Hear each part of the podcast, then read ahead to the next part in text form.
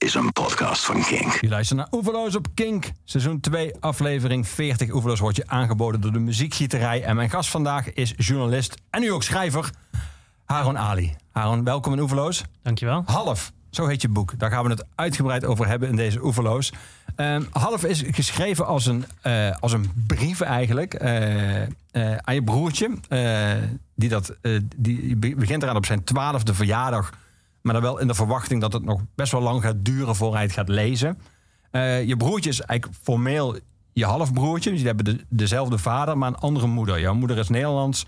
En de tweede vrouw van je vader is uh, Pakistaans. Uh, en je hebt zelf ook een vier jaar jongere zus, Nadia.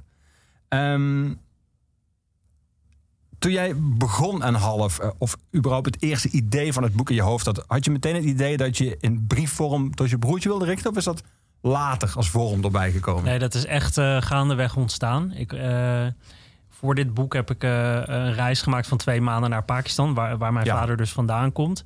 het enige wat ik eigenlijk eind 2017 heb het inmiddels over. Ik heb echt 2,5 jaar over dit boek gedaan.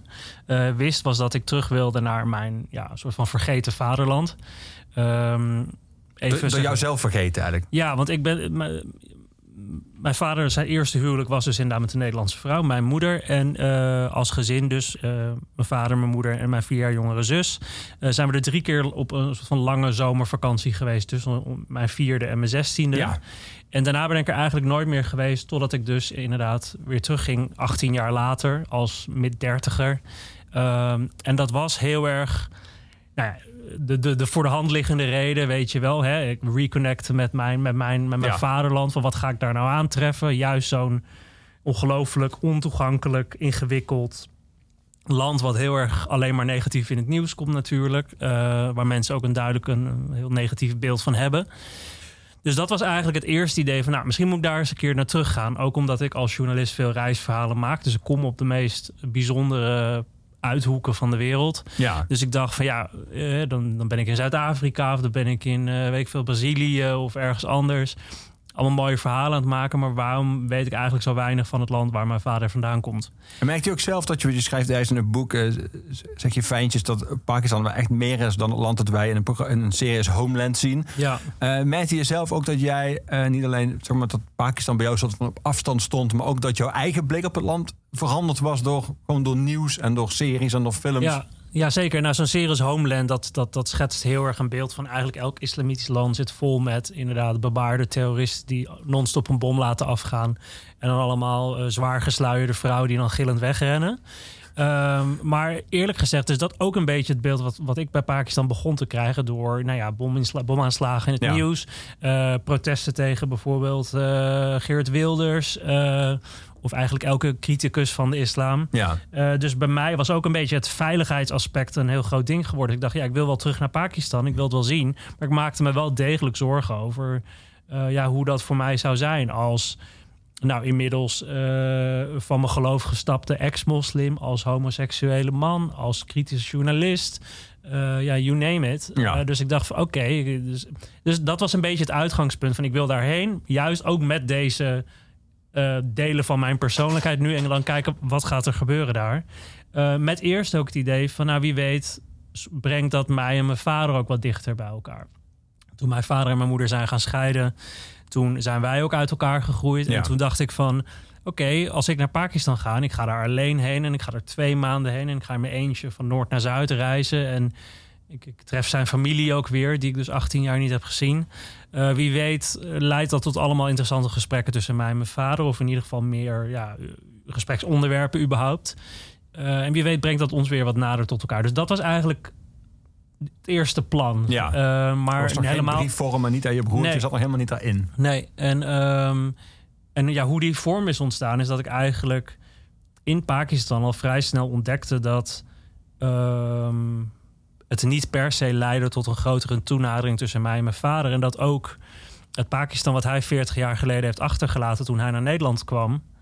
Uh, totaal niet het Pakistan is wat ik aantrof. Dus um, ik zag daar veel familie en ik heb daar een hele leuke tijd mee doorgebracht, ook bij hen gelogeerd. En dat, dat is heel warm en heel gezellig met heel veel eten. Ehm, maar ja, ik zocht ook mensen op die meer bij mij pasten. Dus inderdaad de vrijdenker, vrijdenkers. Uh, dus inderdaad de homoactivisten, de transgender vrouwen, um, atheïsten, mensen die kritisch zijn op de staat. Uh, uh, zeer uitgesproken vrijgevochten vrouwen die daar hun eigen pad bewandelen. En dat zijn allemaal niet de geluiden die mijn vader ziet of wil zien. Nee. Dus, dus, dus ik kwam er gaandeweg eigenlijk tijdens de reis en ook toen ik terugkwam uh, achter dat dat niet het gewenste effect had nee. op de vader-zoon relatie. Het was eigenlijk wel een toenadering tot Pakistan, ja. maar niet tegelijkertijd ook een toenadering daarmee nee. tot je vader. Nee, en het leidde misschien ook juist. Uh, ik wil niet te veel weggeven, maar uh, ja, ook tot weer nieuwe soort frictie. Ja, want dan loop ik daar een beetje rond tussen zijn familie en dat haalt natuurlijk ook weer van alles naar boven. Maar toen ik, ja, ik, ik, ik heb natuurlijk wel, ik, wist wel dat ik hier een boek over wilde gaan maken en, en dat ik het allemaal wilde gaan vastleggen. Maar toen ik eigenlijk terugkwam en ook een beetje daarmee aan mee begon en allerlei versies heb geprobeerd, toen op een gegeven moment ja, liep ik vast. En dat is eigenlijk nog niet eens zo heel lang geleden, dat is misschien een jaar geleden of zo. Toen dacht ik van ja, maar dit, ik, wat wil ik nou eigenlijk allemaal? Ik wil Pakistan laten zien aan de Nederlandse lezer, weet je wel. En daar de vooroordelen over ontkrachten. Ik wil veel vertellen over mijn vader en over onze band. Ik wil ook vertellen wat het allemaal met mij doet. Maar hoe, voor wie doe, wil ik dit nou eigenlijk allemaal vastleggen? En toen schrok ik een keer s'nachts wakker. Echt, ik lag, ik kon niet slapen. En toen lag ik op de bank te slapen. En mijn vriend had, lag... ook met, had ook met het boek te maken? Je lag ook, wakker, ja, ja, ja, ja, want het, het vlotte gewoon niet. En ik had ook uh, daar hele ingewikkelde gesprekken over met mijn redacteur. Die zei van ja, weet je, het zit er echt allemaal wel in. En, uh, maar je moet echt meer focus hebben. Je moet een soort van ja, trechter hebben waar je alles wat je hebt meegemaakt en hebt geleerd en wil vertellen doorheen perst. Dus ik, toen dacht ik, maar ik wil dit eigenlijk. Zou, hoe vet zou het zijn als ik dit allemaal aan mijn broertje zou vertellen, met wie ik dus heel weinig contact heb. Um, mijn vader is dus na de scheiding hertrouwd met een Pakistaanse vrouw. Ja. Daar is mijn halfbroertje uit voortgekomen, die dus helemaal Pakistaans is. Uh, maar ook in Nederland opgegroeid, in dezelfde wijk in Amsterdam-West, waar ik ook ben opgegroeid. Um, dus voor een deel ja, delen we, ja, we delen dezelfde vader, maar hij krijgt toch een hele andere opvoeding. En, Ja. um, maar tegelijkertijd wil ik dat hij weet wie mijn vader was voordat het zijn vader werd. En ik wil dat hij weet wie ik echt ben met al mijn, um, nou ja, uh, dingen die in de islam niet worden goedgekeurd. En ik wil ook dat hij een beetje meer weet over het Pakistan waar, waar zijn vader vandaan komt. Ook het Pakistan wat ik heb leren kennen. Zodat hij, mijn, mijn halfbroertje, als hij dit later leest... een soort van handleiding heeft over het vormen... die hem hopelijk kan helpen om zijn eigen identiteit te vormen. Dus toen ik dat eenmaal had bedacht, toen werd ik weer heel erg enthousiast. Toen dacht ik, dit moet het zijn, want dit... Uh, geeft mij veel meer focus over het verhaal wat ik wil vertellen. En ik, ik, ik wil het ook echt met hem delen. Uh, en ik besef ook heel goed, hij is nu 12. Ja. Dat hij nog veel te jong is om te alles te lezen wat er nu in staat. Uh, nou ja, jij hebt het al gelezen, maar er, er, zitten, er zitten toch wel aardig wat seks, drugs en rock'n'roll in. Dus ik hoop toch dat hij dit pas op zijn vroegst gaat lezen als hij een jaar of 16, 17 is misschien. Uh, maar ik vind dat wel een heel, heel soort van fijn idee nu. Dat ik een soort van ja, tijdscapsule voor hem heb gemaakt. Uh, die heel erg een, uh, ja, een familie schetst op een bepaald moment in de tijd. Op een bepaald punt in de geschiedenis. Ja. Niet dat er nou zo'n historische familie zijn, maar we zijn natuurlijk een gemengd gezin met allerlei problemen in een bepaald land, in een bepaalde tijd. Uh, en ik vind dat heel mooi dat dat nu is vastgelegd, dat, dat, dat hij dat later kan lezen, maar dat ik er over 10 of 20, 30 jaar ook in kan terugkijken en denken: oh ja, dit was wie wij toen waren. Dit was waar we toen mee worstelden. En dit was ook waar zowel het Westen als het Oosten toen mee worstelden. Ja, ja. Dat heb ik nu allemaal op een iets meer ja, gefocuste manier in dat boek uh, proberen te doen. Ja. En zo, moest- zo eigenlijk, dat is het lange antwoord op je vraag van hoe, waarom heb je het aan je halfbroertje gericht. Eh, ja, ik denk dat dit, dit de vorm was uiteindelijk die het moest zijn. Ja. Maar het heeft heel veel tijd gekost dus. Ja, je moest wel daartoe eh, veronderstellen dat hij een grotere mate van nieuwsgierigheid in alles wat hij nog niet weet en ook in jou heeft dan je vader. Want die komt in jouw boek niet over als een man met een hele grote nieuwsgierigheid naar dingen die hij nog niet weet. Ja, ja dat is. Dat is eh, ja, en dat is het. Daarom heb ik ook ehm, in het boek heel erg ook zijn reis van Pakistan naar Europa proberen te uh, eren eigenlijk. Mhm. Omdat toen hij een jongere man was... eh, dit, dit, hij is eigenlijk wat dat betreft het klassieke voorbeeld van heel veel... vooral migranten, mannen uit de niet-westerse wereld die naar het westen komen. Die komen hier echt met een hele open blik vaak naartoe. Weet je wel? Die zijn zelf dan begin twintig. Die ervaren alle vrijheden die, die een land als Nederland heeft te bieden. Die gaan uit, die drinken nog alcohol Ja. gaan daten inderdaad met, met Nederlandse meisjes. eh, wonen ongehuwd samen, zoals mijn ouders eerst deden. Dus ehm, en leren snel de taal. Eh, zijn, zijn life of the party op de, op de, de feestjes van mijn moeders familie. Dus dat ging heel lang goed. Eh, en, en ook de eerste jaren van de jeugd van mij en mijn zus waren we eigenlijk heel vrij. Ehm, we waren een soort van ja, een hele goede fusie tussen deels ja, wel Pakistaanse tradities en normen en waarden, maar ook gewoon midden in de Nederlandse samenleving. Dus thuis vierden we geen Sinterklaas en kerst, maar dat mochten we wel gewoon op school doen. Ja. Ehm, en wij hadden thuis geen kerstboom, maar mijn Nederlandse oma had dat wel. Dus daar konden we wel altijd heen om dat te gaan kijken. Dus ehm, dat ging heel lang goed. En, en daardoor, mijn vader was wat dat betreft dan een heel goed voorbeeld van een goed geïntegreerde buitenlander, om maar zo te zeggen. Ja. Leerde heel snel accentloos Nederlands door eh, gewoon Nederlandse tv te kijken met ondertiteling. Ehm, maar ja, op het moment dat mijn zus en ik de puberteit inkwamen. en wij dus eigenlijk dezelfde vrijheden gingen opeisen die hij ook genoot. ja, dan wordt het ineens moeilijk. Want dan ja, moet je dus accepteren dat je kinderen ja, naar schoolfeesten willen gaan, ook willen drinken. Of dat mijn zusje ja, wat kortere t-shirtjes aan wilde gaan trekken. Of eh, ja, dat, dat we vrijer omgingen met eh, klasgenoten van de andere seksen. Eh, ja, en dat, dat, dat creëerde steeds meer frictie. En dan merk je dus ook dat ja, ouders daar ruzie over gaan krijgen. Over die kinderen. over de, de opvoeding die ze Ja. eigenlijk dat kind willen meegeven. En ik denk, daar heb ik ook met mijn moeder over gepraat. Kijk, als je, de ouders van nu, voordat ze überhaupt aan begin, kinderen beginnen... en dan zijn ze vaak inmiddels begin of misschien zelfs mid 30... hebben ze al jarenlang kunnen praten over wat voor opvoeding ze die kinderen willen geven. Ja. Want die stellen zijn dan vaak al een jaar of tien samen. Of in ieder geval jaren samen. Ja. Maar zij hebben dat nooit gedaan van tevoren. Dus, ehm, dus mijn moeder is bekeerd tot de islam. Eh, niet uit dwang. Dat wil ik altijd even benadrukken. Dat heeft ze echt uit een jaar ongeveer na, na hun huwelijk uit eigen beweging gedaan. Omdat ze daar zelf in geïnteresseerd was. ja. maar Dus- wel dus- ook vertelt ze jou in het boek op, een, op haar eigen moderne manier ja, ook. Ja, zeker. Ja. Dus, eh, dus eh, ja, ze heeft zich daar enorm in verdiept. En zij, zij voelde gewoon heel veel hoop en aansluiting bij het geloof. Dus Mhm. mijn zusje en ik zijn ook allebei echt als moslim geboren en opgevoed. Dus wij, wij moesten ook de Koran leren lezen. We deden mee in de Ramadan eh, elk jaar. Of in ieder geval een flink aantal van de dagen. Ik ging soms met mijn vader naar de moskee dan op het suikerfeest. Ehm, dus op zich waren we wel echt een islamitisch gezin. Dus, maar ja, dat clashte dan toch heel erg met het leven in Nederland. En ja, dan merk je dus dat iemand als mijn vader, die eh, ja, niet beter weet dan islam is de leidende eh, levensvisie die je over moet brengen op je kinderen. En die moet alles bepalen. Ja, is dan anders dan mijn moeder die bekeerd is tot de islam. Die zegt van nou ja, ik voer mijn kinderen op, eh, voed mijn kinderen op als, als moslim. Maar uiteindelijk is het hun eigen keuze hoe ze dat, hoe en of ze dat geloof praktiseren. Ja. En daar kwamen toen heel veel ja, ruzies over. Van wat laat je je kinderen wel en niet toe. En ja, dat dreef hen uit elkaar. En, eh, Is er ook een verschil in eh, een, een vader die denkt dat de vrijheden die hij hier leert kennen, die, waar hij zelf ook van geniet en gebruik van maakt, eh, dat hij zelf denkt: ik kan dat wel aan, ik kan dat ook wel in toom houden, maar mijn kinderen, als die daarmee in aanraking komen, dan gaat het mis. Ja. Dus dat je eigenlijk van jezelf denkt dat je dat beter kan handelen Ja. dan je kinderen. Ja, en dat, dat, eh, dat is ook een compleet. ehm, als je kijkt naar meer.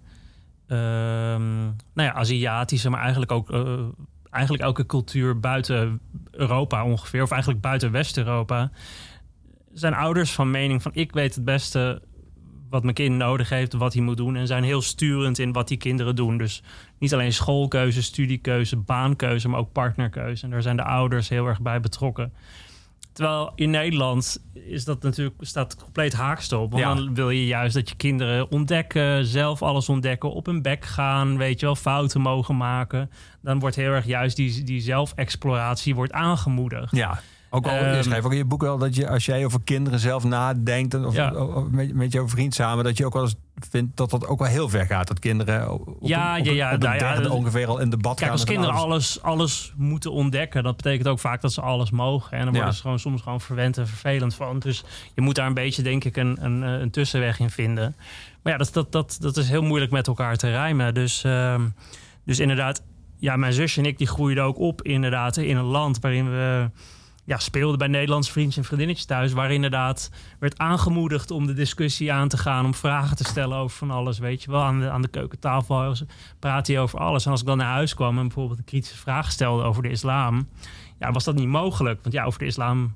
Islam is de islam en het staat zo in de Koran. Geen discussie mogelijk. Ja, Dus dat heeft er toen ook in mijn eh, geval wel echt voor gezorgd dat ik inderdaad, toen ik uit, de kast kwam om 21 en tegelijkertijd uit huis ging, dat ik als twintiger vooral ja, een beetje een aversie kreeg tegen zowel mijn Pakistaanse achtergrond als mijn islamitische geloof. Omdat dat heel erg voor mij symbool kwam te staan voor alles wat ik niet eh, mocht zijn, denken, voelen.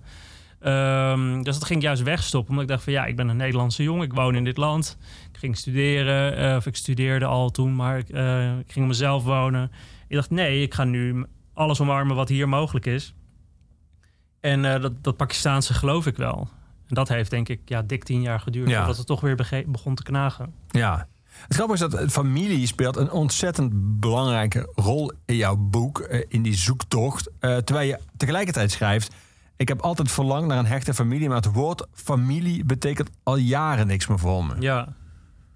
Te- Ja, dat is. Al lezen denk je, het betekent eigenlijk heel veel voor je. Ja, ja, dat, nou ja, dus eh, op een gegeven moment ehm, eh, hunkerde ik er wel weer naar. Maar inderdaad, toen, eh, toen ik vanaf mijn 21ste ongeveer...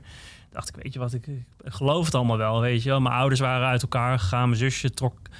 Ze kregen nieuwe partners, mijn zusje trok dat slecht. Er was alleen maar ruzie. Iedereen zat met, iedereen zat met elkaar te knokken. Iedereen woonde op zijn eigen eilandje.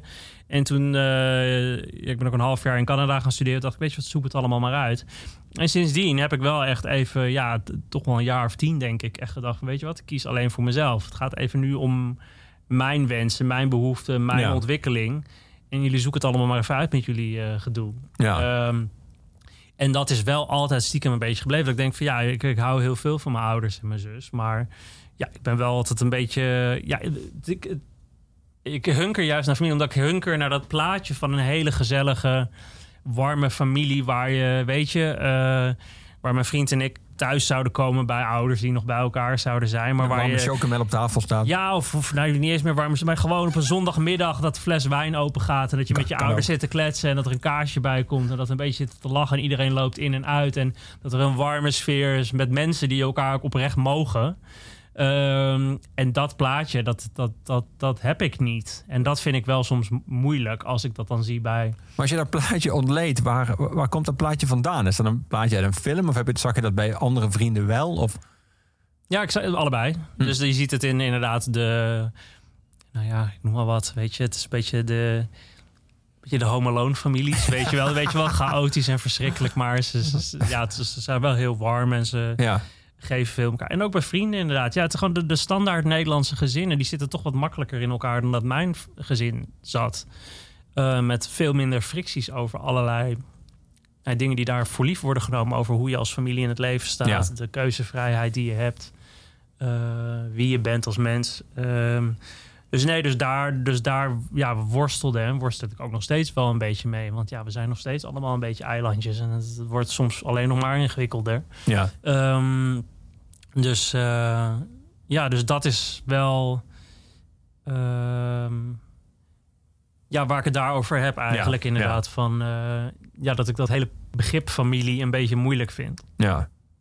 We gaan ook muziek draaien. Muziek ook uit jouw eh, platenkast. In ieder geval muziek voor jouw keuze. We gaan, we gaan echt alle kanten opschieten met, jou, eh, met jouw muziekkeuze. Het is, eh, het is heel eclectisch. Laten we eens heel alternatief beginnen. Weet je, dit is denk ik het meest kink nummer uit jouw lijst. Eh, Incubus uit 2004. Ehm, ook uit die tijd, zeg maar, in jouw leven? Of heb je dat zo Ja, ja en dat is wel. ehm, ik ben dus ook muzikaal door allerlei fases heen gegaan. Maar ook. Eh, ja, als je zo zoekend ook bent naar wie je nou bent. En ook wat je plek is in dit land. En hoe mensen naar je kijken. Heb ik dus ook allerlei rare fases qua muziek gehad. En dit was eigenlijk zo rond mijn zeventiende of zo op de middelbare school kreeg ik een heel alternatief groepje vrienden. Toen was je Haron Alto. Ja, eh, en dat waren echt uh, gothic meisjes, skaterjongens. En dat was eigenlijk de laatste twee jaar van de middelbare school. Iedereen, iedereen in het zwart. Ja, nou ja, we, ja eigenlijk wel. Ja, ja. En dus ik ging inderdaad ook van die overseas broeken dragen. Met van die bandshirtjes. En dan gingen we naar concerten in de Melkweg. Van wat wat je toen? Ja, ja, toen van een beetje van die... New metal. nou, een beetje van die, van die beetje poppunk-achtige... Oh een beetje Blink-182-tijdperk. Maar dat je dus van die bandjes als Wheatus en Zebrahead en zo. En daar gingen we dan voor 10 euro naar de Melkweg toe. Uh, en we gingen, uh, ja, toen begon ik ook uh, alcohol te ontdekken. We gingen altijd één keer per week met echt een groep van tien uit Amsterdam naar de Stairway to Heaven in Utrecht. Van Henk Westbroek. ja, dus, en, dus daar ging ik inderdaad dan heel hard springen op muziek. toen is ook een keer in de pit ben ik hier. Want ik ging toen ook heel veel tequila achter elkaar drinken op die avond. We zijn ook als groep zo dronken werden dat we echt drankontzeggingen kregen omdat we alles gewoon kapot maakten daar. Maar toen stond ik in de pit springen, toen lag ik een keer op de grond en toen sprong iemand op mijn arm. Toen moest mijn vader nog met me naar de EHBO en die zat me ook toen zo aan te kijken van ik snap echt helemaal niks van jou. Um, en dat, dat heeft zo een beetje tussen mijn 17 en mijn 20ste geduurd. Um, en dit, dus dit nummer kwam denk ik ongeveer uit toen ik 20 was. Dus dat was een beetje het staartje ervan. Maar mm -hmm. Incubus ervoor was wel een van de bands die ik heel erg leuk vond. En dit nummer vind ik eigenlijk zo leuk, omdat het ik, heb, ik ben nu misschien wat meer een, liefhebber van elektronische muziek. Um, ik luister ook niet zo heel veel rock of de rock in de breedste zin. Maar, maar dit nummer luister ik nog steeds heel veel. Want het is echt mijn go-to agressienummer. Dus als ik echt een ongelofelijke kutdag heb en iedereen in elkaar wil slaan en gewoon helemaal gek wordt, draai ik dit nummer. En ik vind het ook een beetje een soort van. Het is vooral een soort van als ik echt boos ben op iemand van ben jij een ongelofelijke asshole, dan is dit het nummer wat ik draai. En daar past de titel ook heel goed bij. Ja, ja het is echt... Uh, Megalomaniac van Incubus.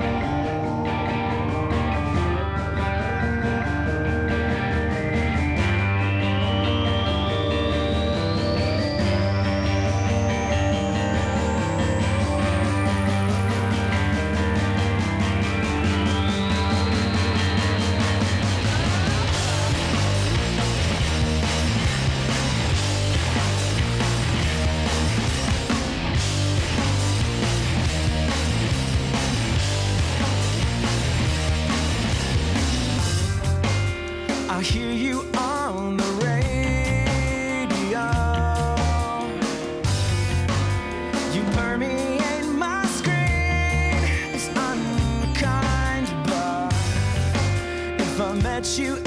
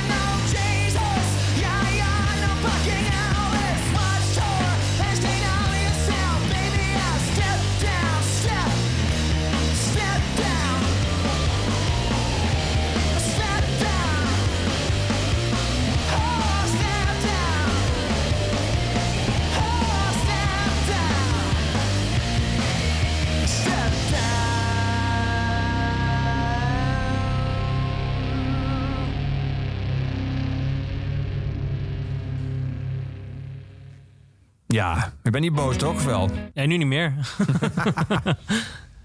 Ja, je had het er net over toen we zaten te luisteren samen... dat dit muziek is die je nu eigenlijk niet meer zoveel draait.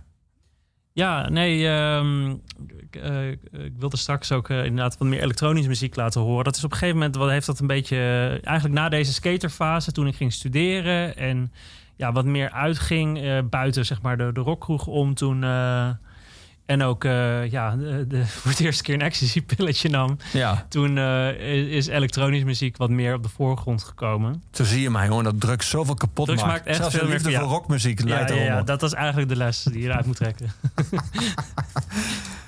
Dit lijkt me een goed moment, schrijf je even in het boek, om wat meer te vertellen over mijn moeder. De vrouw met de rode haren, blauwe ogen en sproetjes op haar gezicht. De vrouw met wie papa twee decennia getrouwd is geweest.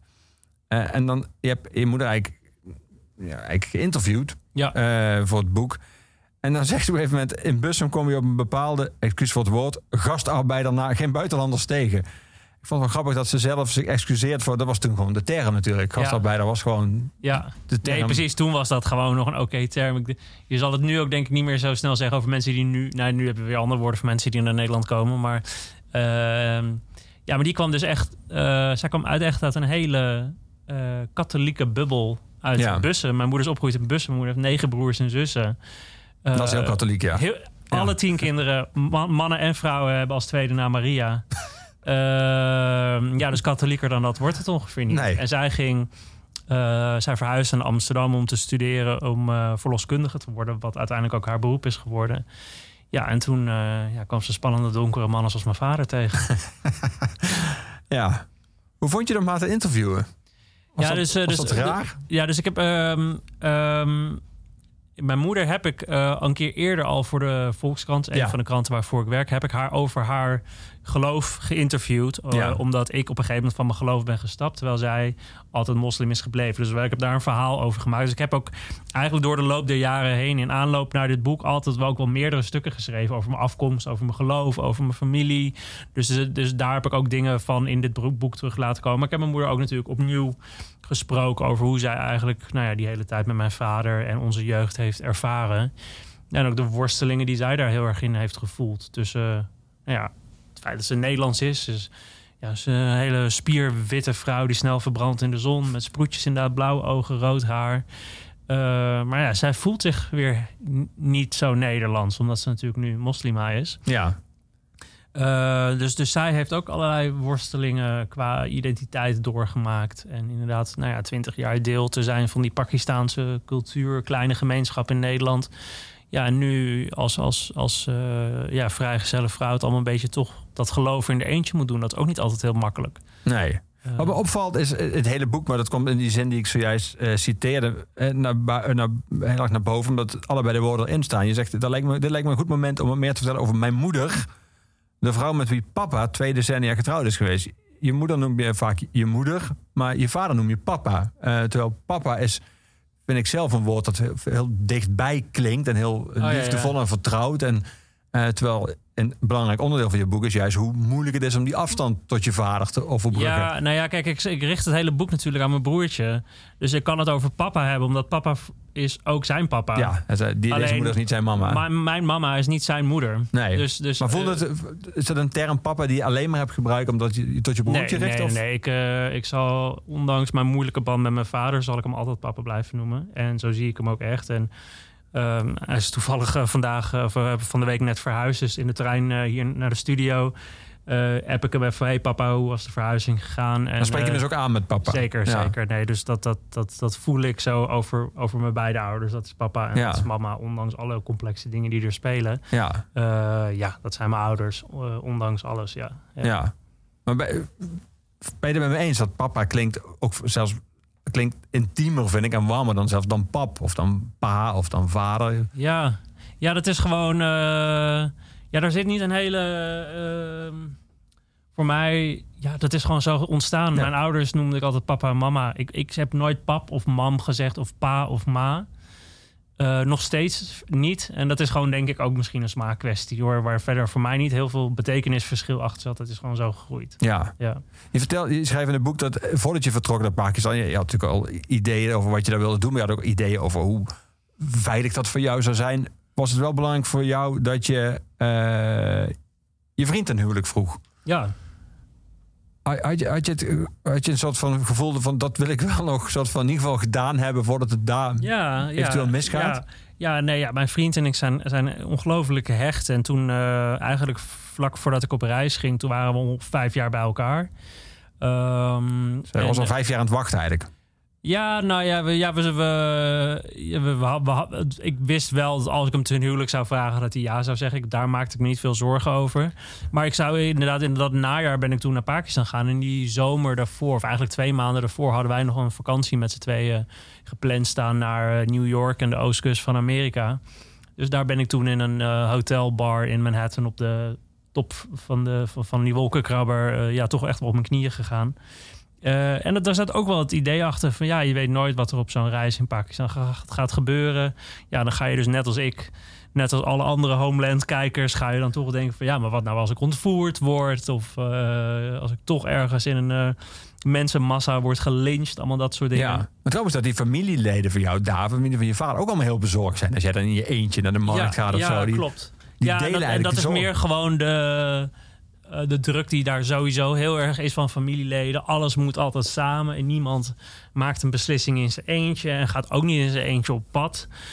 Maar zij dachten ook van ja, weet je, ja, je spreekt de ik spreek dan uh, Urdu is daar de taal wat grotendeels lijkt op Hindi. Even voor de luisteraar, een beetje als Nederlands en Vlaams eigenlijk.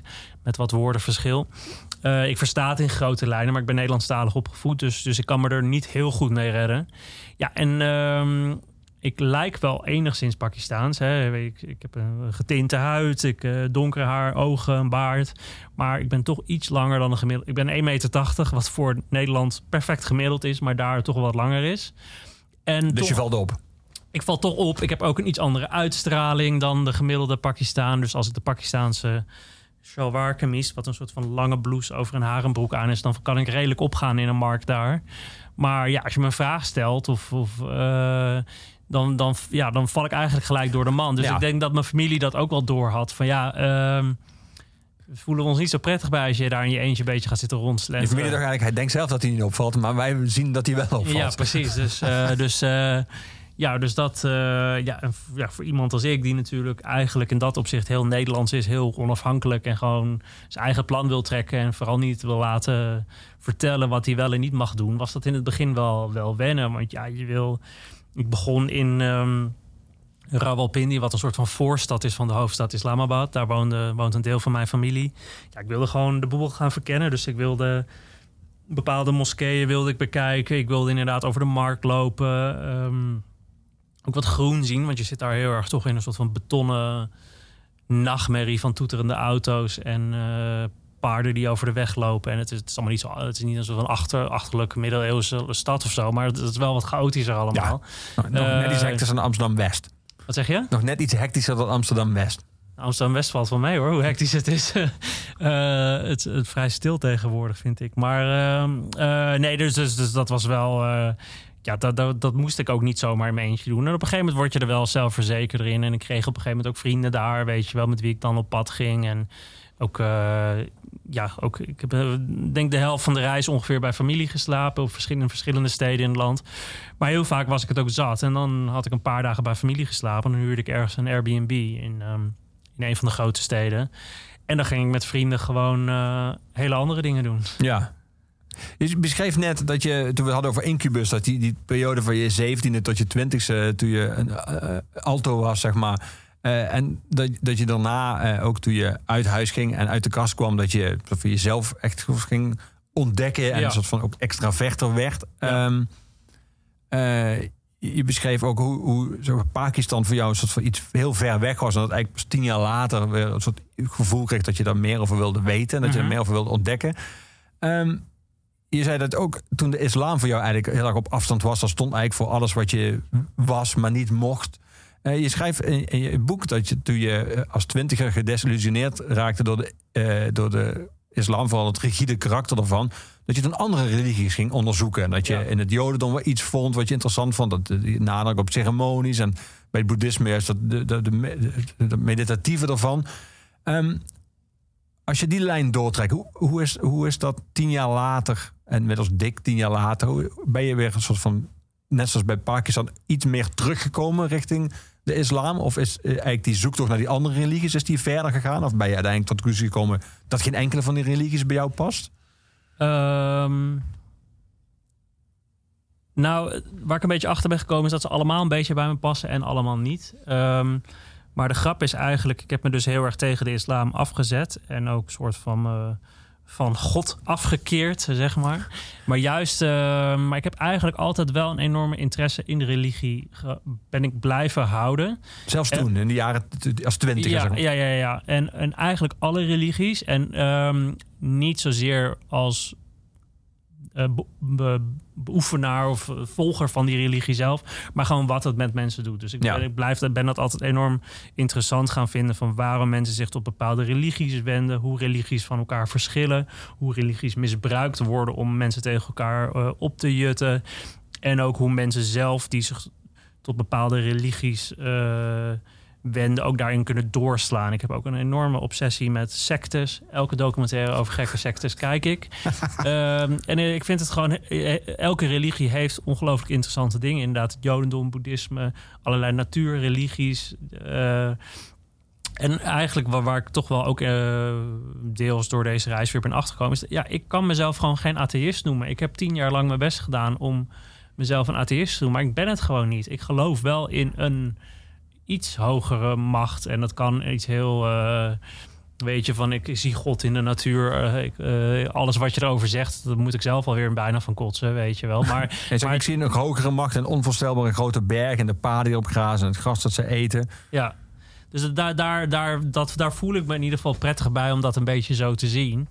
Uh, en uh, ja, weet je, ik heb inderdaad, nou, tot corona uitbrak, gewoon ongelooflijk veel gereisd. Ik kwam echt op de meest bizarre, mooie plekken. Uh, en ja, dan word je toch wel vaak geconfronteerd met van, oh wauw, die over, overweldigd worden door gewoon de schoonheid van, van de creatie, hoe dat ook is ontstaan. Ja. Uh, en dus, dus voel ik er me nu veel prettiger bij om mezelf een soort van agnost te noemen, denk ik. Zoals heel veel mensen misschien, weet je wel, er zal wel iets zijn, maar ik weet niet wat. Een iets is uh, Iets is inderdaad, ja, precies. Dus dat is denk ik. Maar, maar als een bestudeerder van de religie blijf ik dat wel heel leuk vinden om elke keer in te duiken. En, um, maar de bestuderen klinkt een beetje afstandelijk. Doe je daarmee dat je dat als journalist dan deed? Dat je ook graag. Ja, en of ook gewoon, weet je, ik, ik, ik heb mijn twee, dus, mijn twee studies zijn psychologie en journalistiek. Dus ik ben vooral heel erg gedreven door waarom doen mensen de dingen die ze doen. Dus vooral ja. de excessen van menselijk gedrag vind ik gewoon heel interessant om te bestuderen. Maar dat is inderdaad meer vanuit een journalistieke, uh, psychologische interesse ja. in de mens en wat ze doen. Maar eigenlijk maar, ook zelfonderzoek dus. Ja, ja, ja, en ik heb wel, joh, ik heb uh, uh, heel vaak als je dan in ja, wat meer rurale gebieden van de wereld komt. Ik, je komt bij een of andere uh, regengodin aan in een, in een Zuid-Afrikaans dorp. Of je, doet mee een ayahuasca-ceremonie ergens in de jungle van Brazilië met een of andere shamaan. Dan ga ik er wel helemaal in mee. En dan wil ik dat we ook helemaal ervaren hoe dat dan is. En wat die mensen geloven. En welke knopjes ze in zichzelf aan en uitzetten. Maar uiteindelijk ja, is dat toch meer dan een journalistiek interesse. En ja. dat ik daarna dan uh, helemaal bekeerd ben of zo. En wat is je favoriete secte van alle sectes die we inmiddels hebben? Ja, zo. Ja, wat even kijken. Nou, ik, ik heb wel, ik moet, ik heb, uh, ik denk iets wat heel erg. Ik, ik ben te jong om zeg maar de bakwan heel erg te de beweging helemaal. Ik heb dat nooit meegemaakt. Je had je mee willen maken. Zo. Nou, ik, als je die, die, die docu-serie ja, Wild Wild Country op ja. Netflix kijkt. Uh, dat, die hadden ook zo'n mooie esthetiek. Met die beetje die rood, oranje, paarse kleding. En iedereen zag er verschrikkelijk knap uit. En iedereen ging met elkaar naar bed. En het, het, het, het zag er gewoon heel goed uit. Ze hadden gewoon een heel goed, uh, goed, goed marketingteam bijna. dus ik kan me wel voorstellen dat als ik in die tijd een twintiger was geweest... dat ik me er wel toe had kunnen laten vlokken, ja. We gaan naar een soundtrack luisteren van uh, Kal Nayak. Spreekt dat goed uit? Ja, ja, het maakt niet zoveel uit eigenlijk hoe het heet. Maar het verhaal erbij eigenlijk is, is dat eigenlijk dit even helemaal terug naar het begin. Dat ik uh, ja, door mijn vader, en als je het hebt van wat is dan wat de Pakistaanse cultuur die je hebt meegekregen. Mhm. Wij, tot ik eigenlijk naar de middelbare school ging, luisterden wij geen westerse muziek thuis. Wat wij keken waren Bollywood films. Uh, en de liedjes die daaruit voortkwamen. En dit is een... Uh, een liedje wat ik eigenlijk pas nu weer opnieuw ben gaan waarderen. Even heel kort de film. Het gaat over een vrouwelijke agent die gaat over- undercover in een maffiabende. En in deze scène is zij eigenlijk verkleed als een soort van... Ja, escort, danseres. En die danst dan voor die foute maffiamannen. En die zingt dan dit liedje. En het liedje heet hè. Dat- En de, dat, de tekst is ook, wat zit er achter je blouseje? Wat ook nog eens een beetje een schunnige, dubbelzinnige tekst is. En dat heb ik toen allemaal niet doorgehad. Ik vond het gewoon een lekker klinkend, klinkend nummer. Maar ik vind het wel mooi dat dit Maar dat nummer... mocht wel, mochten jullie wel kijken. Want dat was ook wel Ja, dat was dus ook het heel erg dubbele. Dus je zag vrouwen met blote buiken, diepe decolletés, die wulps aan het dansen waren. En dat was helemaal oké.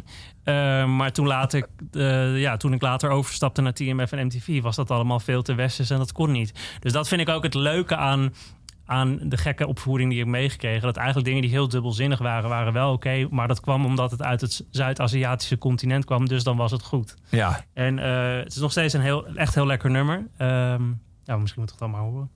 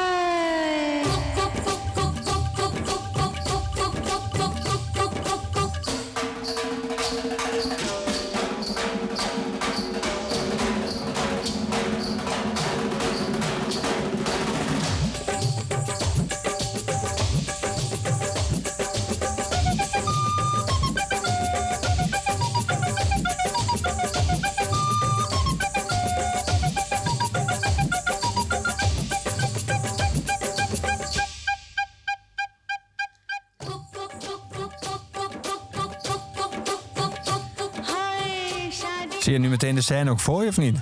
Ja, en ik, ik, moet ook vooral, ik ben vooral benieuwd wat de luisteraars hier vinden. Het is toch wel andere muziek dan ze hier normaal deze zender horen. Dus eh, Maar dit, dit duurt 8,5 minuut. Maar duurde dat dan die dans voor haar? Voor ja, die dat gaat eindeloos door. En er komen dan nog twintig achtergronddansers bij. En dat is allemaal...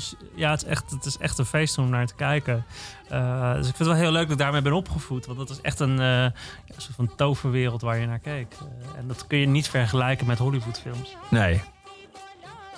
Even de scènes waar, je, eh, waar blijkt hoe je zelf ook, eh, als je op reis bent, eh, heel erg gevoed bent door de Nederlandse manier van naar dingen kijken. Is als je merkt dat er bedienden bestaan bij familieleden. En dat jij het heel lastig vindt om je dat toe te verhouden. Omdat jij Ja, bedienden eigenlijk associeert met een soort moderne vorm van slavernij. absoluut. Ja.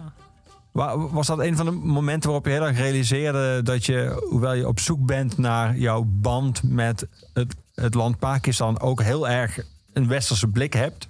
Ja, absoluut. En, eh, ja, en dat die westerse blik ook heel erg bepaalt hoe ik naar dat land kijk. Eh, dus het is niet zo dat je dan naar je vaderland gaat en dan daar komt en dat, dat je dan in één keer weer dat helemaal omarmt. Nee, ja, ik kijk daar heel erg met een Nederlandse verwesterde blik van een, ook een journalist naar. En dus inderdaad, hè, Pakistan en India waren tot 70 jaar geleden één land eh, en deel van, van het, het Britse, eh, de Britse koloniën. En, ja, eh, je dus- fantaseert er ook over. Stel je voor, het, waren nog steeds, het was nog steeds één ja, land. wat nou als dat waar, als, wat nou als ze nooit zo overhaast uit elkaar waren getrokken? Wat nou als de Britten er of niet waren geweest, of het wat net meer, ja, wat netter hadden achtergelaten? Hoe zou het dan nu allemaal zijn?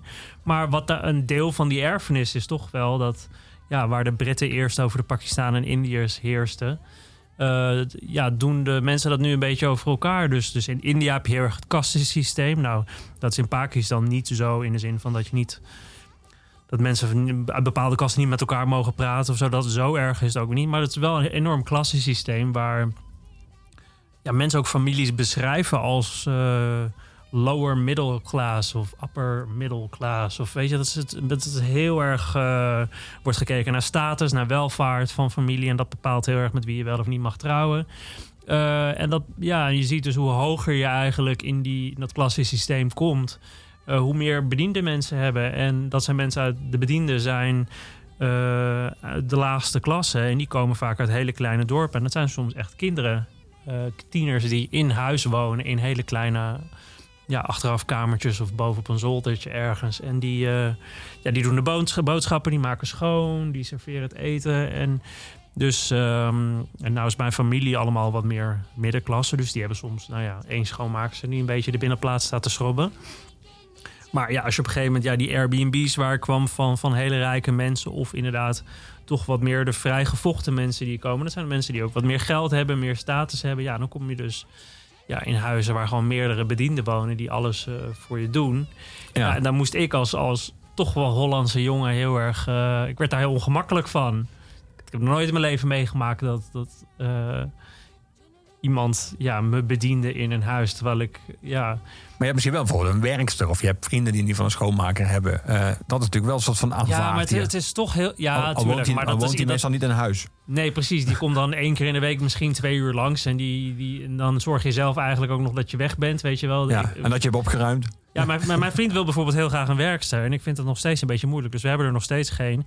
Maar daar kom ik, weet, ik weet nog heel goed dat ik in een huis logeerde. En dan kom je gewoon 's ochtends in je pyjama naar beneden. En eigenlijk alle mensen die daar woonden, die waren er niet. Dus ik was daar in mijn eentje. Maar dan kwam er een ja, een jonge bediende aansnellen. En die ging dan vragen wat voor ontbijt ik wilde. Die ging dan een omeletje voor me maken. En lekkere verse Pakistaanse chai. En Ja, die ging Terwijl zelfs ik- en achter je staan terwijl je at las. ja, dus ik zat te eten en hij zat eigenlijk zo van naast me met zijn handen soort van op zijn rug gevouwen als een soort van ja soldaat.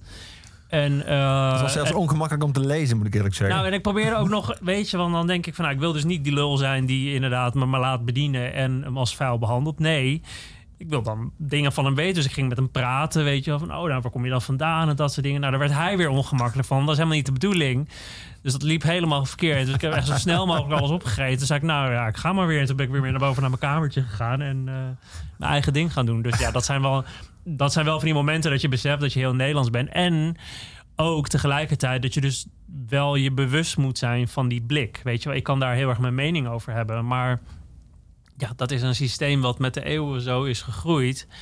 Eh, ja, en hij is daar misschien bediend in een huis, maar onderhoudt daar wel eens misschien zijn hele familie in het dorp van. Dus doet dat met heel veel eer en liefde. Dus ja, wie ben ik om daar iets eh, nou per se van te vinden? Ja.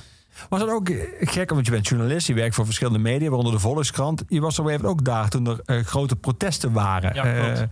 Religieuze protesten. Ja, Eh, nu zag jij van dichtbij eigenlijk hoe dat dan gaat. Wat Ja. normaal een krantenkop is die eens langskomen. Of misschien ergens op het eind van het journaal zo'n kort itempje. Ehm, was dat verhelderend?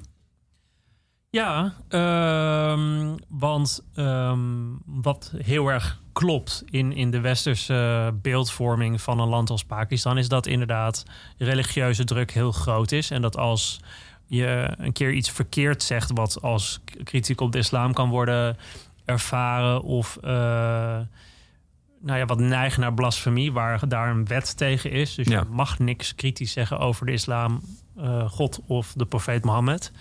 Ja, en dat is wat daar gebeurde. Er was een, soort van. eh, ja, het is een beetje ingewikkeld om allemaal uit te leggen, maar er ging iets verkeerd in een. In een eh, ja, we moeten nou uitleggen. Maar goed, er, er ging in ieder geval iets verkeerd. En er werd gewoon een hele kleine groep extremisten ongelooflijk kwaad van. En dat, dat escaleerde enorm. Dus wat begon met Ja. een demonstratie. Je legt het in het boek uit, maar het is iets zo kleins dat je, als je, ik moest het twee keer lezen. Dacht, was dit alles? Ja, het, Ja. het is, het is eh, een eet die politici moeten afleggen. Daar hadden ze een woord in veranderd. Ja. En, en daar, eh, in plaats van ik geloof dat de profeet Mohammed de, de enige profeet is, eh, naar of. Het wordt, steeds ingewikkelder. Als, je moet het maar even lezen. Ja. Maar in ieder geval, daar was iets misgegaan in een kleine, kleine zinnetje. En daardoor waren extremisten helemaal boos. En die bezetten eerst een brug in Islamabad. En dat waaide over naar alle grote steden in Pakistan. Met gevolg dat er gewoon hele grote rellen waren. En eh, auto's in de fik gingen. En eh, de, de politie en uiteindelijk het leger aan de, te pas moest komen om, eh, om, om dat te stoppen. Ehm, dus, dus dat klopt wel aan die westerse berichtgeving. Is dat dat heel snel uit de hand kan lopen. En dat wij dan vanaf hier kijken en denken van... Je, Jezus, wou ik zeggen. Jezus, doe even allemaal normaal. Hier in Nederland mag ik dat gewoon zeggen. Ehm, ehm, maar tegelijkertijd, als je daar zelf bent... eh, ik zat op dat moment in Lahore, wat de ene grootste stad van Pakistan is. En er waren ook rellen.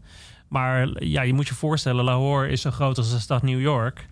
Eh, dus als daar in één wijk rellen zijn, dan merk je er in een andere wijk helemaal niks Nee. van. Dus ik lag gewoon in het park te chillen met een vriend. Ja, het beeld, Eh. het beeld klopt natuurlijk van die woedende me- menigte. En ook over iets waarvan wij zouden zeggen, is dat alles? Alleen het Ja. idee is natuurlijk dan dat een heel land soort van in brand staat. Ja, en Eh, dat is niet zo. Nee. Eh, maar wat ik wel merkte was, dus ik hoorde in dat, ik lag dan in het park en in de verte hoorde ik misschien wat sirenes, weet je wel, van po- politieauto's die ergens naartoe gingen. Maar wat je dan wel merkt is dat dan ehm, in 24 uur werden eerst alle tv-zenders gingen op zwart. En toen ik in dat park lag en even op Instagram en Facebook wilde kijken, deden die dat niet meer. Dus Nee. alle sociale media werden ook 24 uur op zwart gezet. En dat is wel. ehm, ik heb dat alleen één keer eerder meegemaakt toen ik in Turkije was, toen daar lokale verkiezingen waren. Eh, ja, dat, om opruiing te voorkomen, gaat, dan ben je dus 24 uur, kan je dus even niet eh, op sociale media. Ja, en je krijgt ook een sms'je waarin je op geattendeerd dat eh, het oh, uploaden ja dat, was van... op, dat was op een ander moment, maar Ja. je krijgt daar eens in de zoveel tijd gewoon sms'jes. Dit was, ik had dan een Pakistaans nummer, dan krijg je een sms'je van nou, ehm, het, het, het uitspreken van blasfemie of dat delen of uploaden of op welke manier dan ook te communiceren met andere mensen is in strijd met de wetgeving. En eh, mocht je een geval van blasfemie tegenkomen, handel er niet zelf naar. Dat is dan de, wat ze wel willen zeggen van neem niet het recht in eigen handen, maar meld het dan bij de autoriteiten. Maar goed, dan ben je ook niet veel beter af. Nee. Ehm, dus, dus dat is wel heel erg een ding wat in de samenleving speelt. Dat gewoon eh, ehm, kritiek.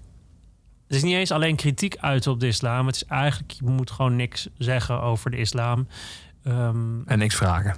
Ja, want dat, is het stomme wel. Wat, ik daar ook wel heel erg heb geleerd. Is, kijk, als je kijkt naar heel veel moslims eh, in eh, met name West-Europa, die hebben vaak een veel rigidere vorm kijk op de islam dan heel veel mensen in overwegend islamitische landen. Ik ben in heel veel islamitische Turkije, Libanon, eh Palestijnse gebieden, Pakistan. Er, daar zal iedereen zichzelf moslim noemen, maar daar is een veel grotere bandbreedte in, in de soort moslim die je zijn. Los van alle verschillende takken die er zijn, zijn er ook in Pakistan mensen die eh, nou, die daten, die seks hebben voor het huwelijk, die af en toe wel een drankje drinken, die ook kritisch zijn op islam, maar zichzelf wel overtuigd moslim noemen.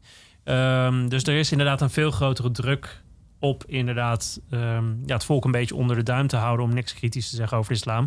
Maar tegelijkertijd is er ook een veel, veel meer diversere visies op wat het is om moslim te zijn. Ja, Dus dat gebeurt ook. En een jonge generatie en de hoger opgeleide generatie, die gaat ook mee met zijn tijd. En die durft ook wel meer kritische vragen te stellen over de islam. En, en ja, bepaalde dingen te zien als tradities. En dit tradities kun je wel of niet meenemen. Maar eh, dus er, er zijn wel allerlei bewegingen gaande. Alleen het gaat ja, met, met hoort en stoten. En eh, eh, je moet wel echt voorzichtig zijn tegen wie en op welke manier je dat zegt. En dat Ja. heb ik ook daar gewoon heel goed eh, zelf gedaan. Ja, ik, eh, ik heb het gewoon allemaal aanschouwd en opgeschreven. Maar ja, maar je beschermt ook in je boek mensen die je hebt geïnterviewd. Ja, die zeker. heb Ja, je de dus namen van veranderd.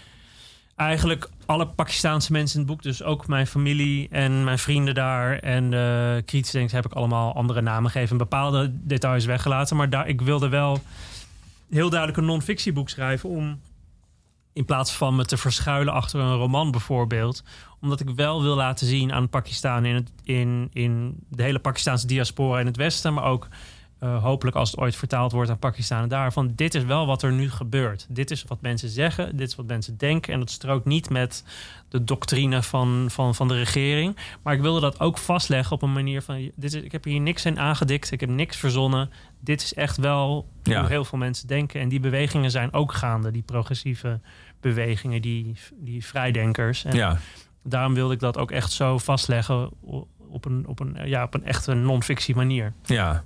We gaan eh, naar een grote liefde voor jou eh, luisteren. We gaan eh, luisteren naar een band die jij voor het eerst hebt zien optreden in het Gelredome in Arnhem. Oh, toen, jij, toen jij een tiener was.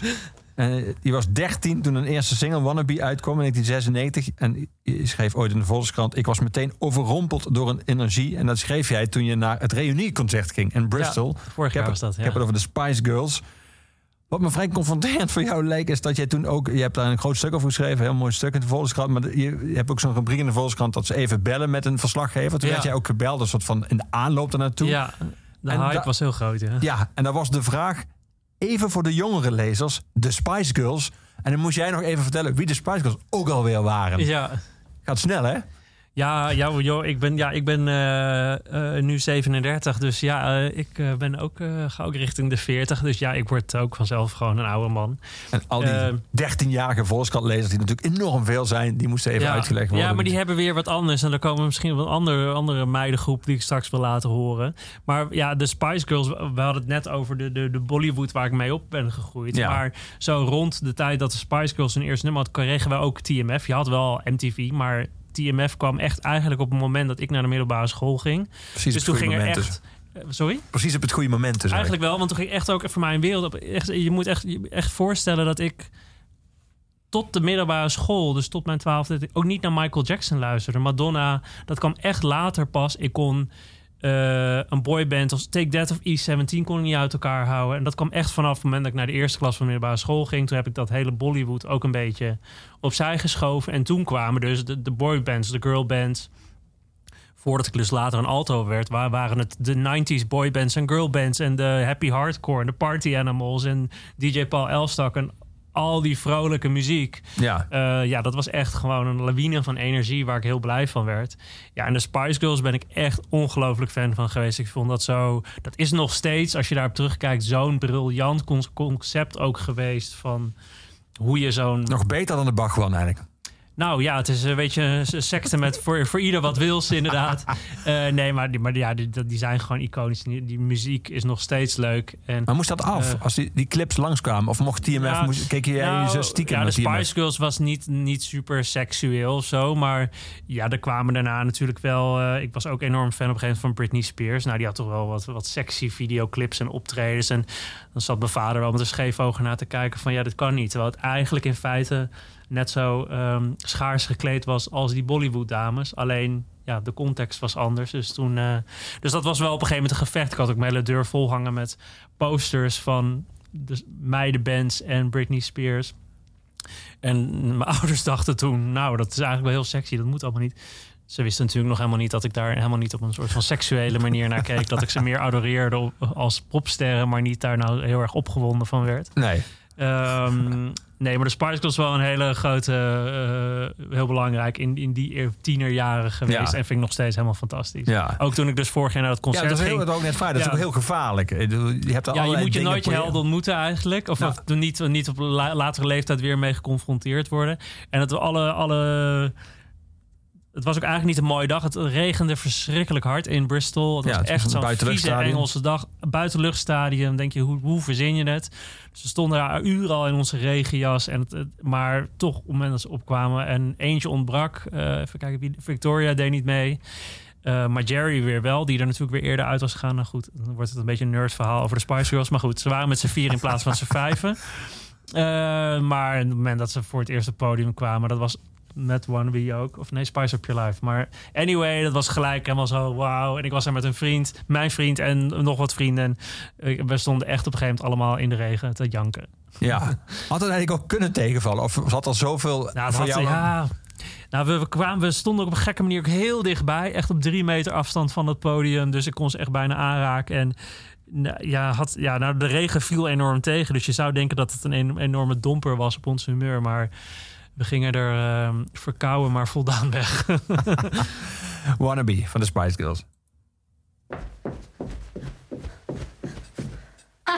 Yo,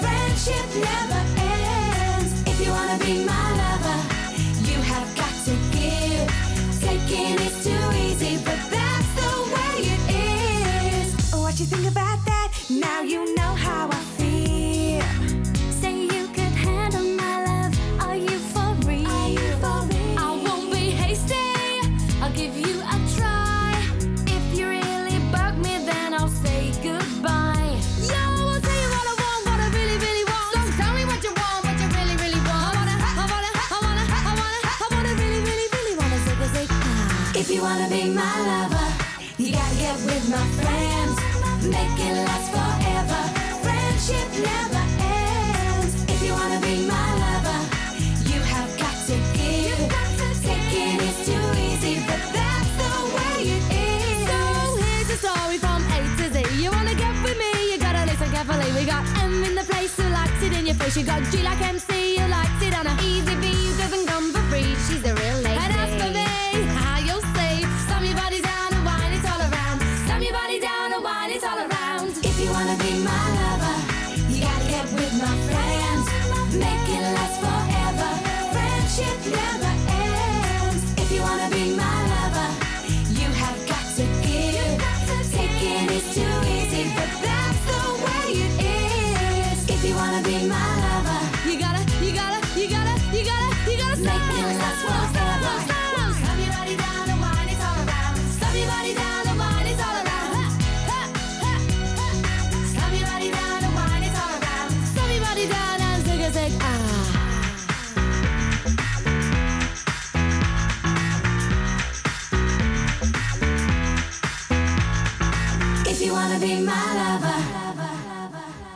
Spice Girls.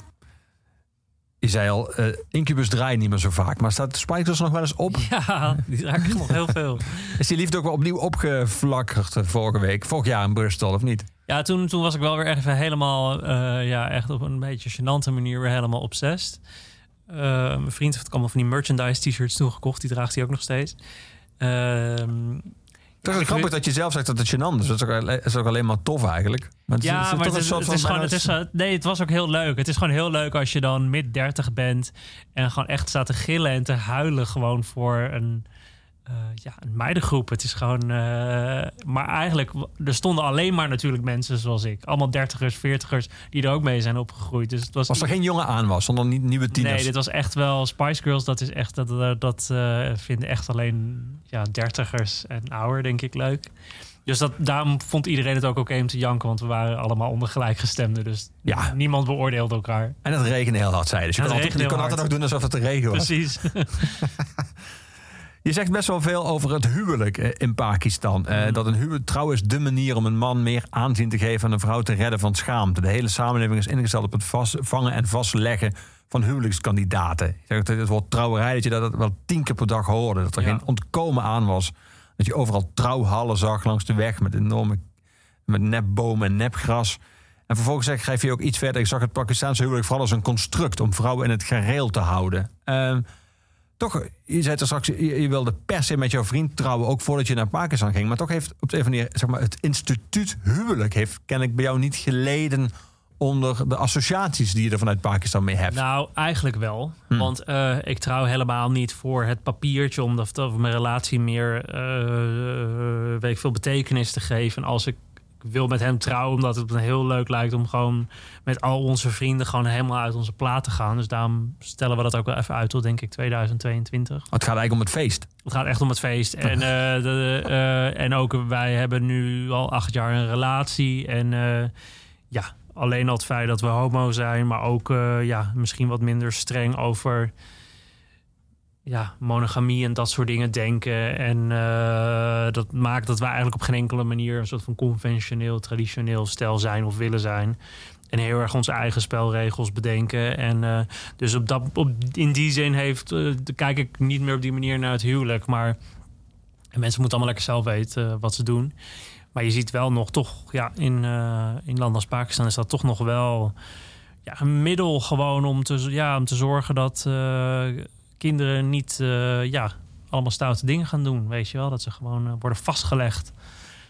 Ehm, gekoppeld aan een, aan een res- respectabele man en, eh, of vrouw.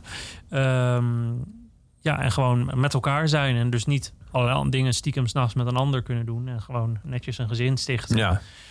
En ehm, ook dat verandert wel hoor. In de zin van, weet je, mensen denken vaak dat al die huwelijken eh, uithuwelijken zijn, gedwongen huwelijken. En dat gebeurt op het platteland en in armere gezinnen nog steeds zeker wel.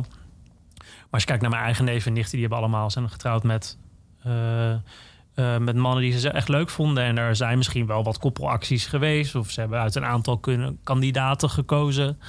Eh, maar ze zijn uiteindelijk wel voor iemand gegaan waar ze echt oprecht van houden. Ja. Eh, en nog steeds dus eh, ja, inmiddels al heel lang mee zijn. Dus, ehm, maar het is wel een trouwfabriek. Het is echt, en dat is niet alleen Pakistan. Dat is voor heel, veel- heel veel landen geldt dat nog steeds. Dus het gaat de hele dag over trouwen. Er is elke keer weer een nieuwe uitnodiging voor een trouwerij van een of andere, andere vage kennis. En, dan, en dat, is, dat is ook het sociale, le- het Ja. sociale leven is daar trouwen. Weet je, je hebt daar geen.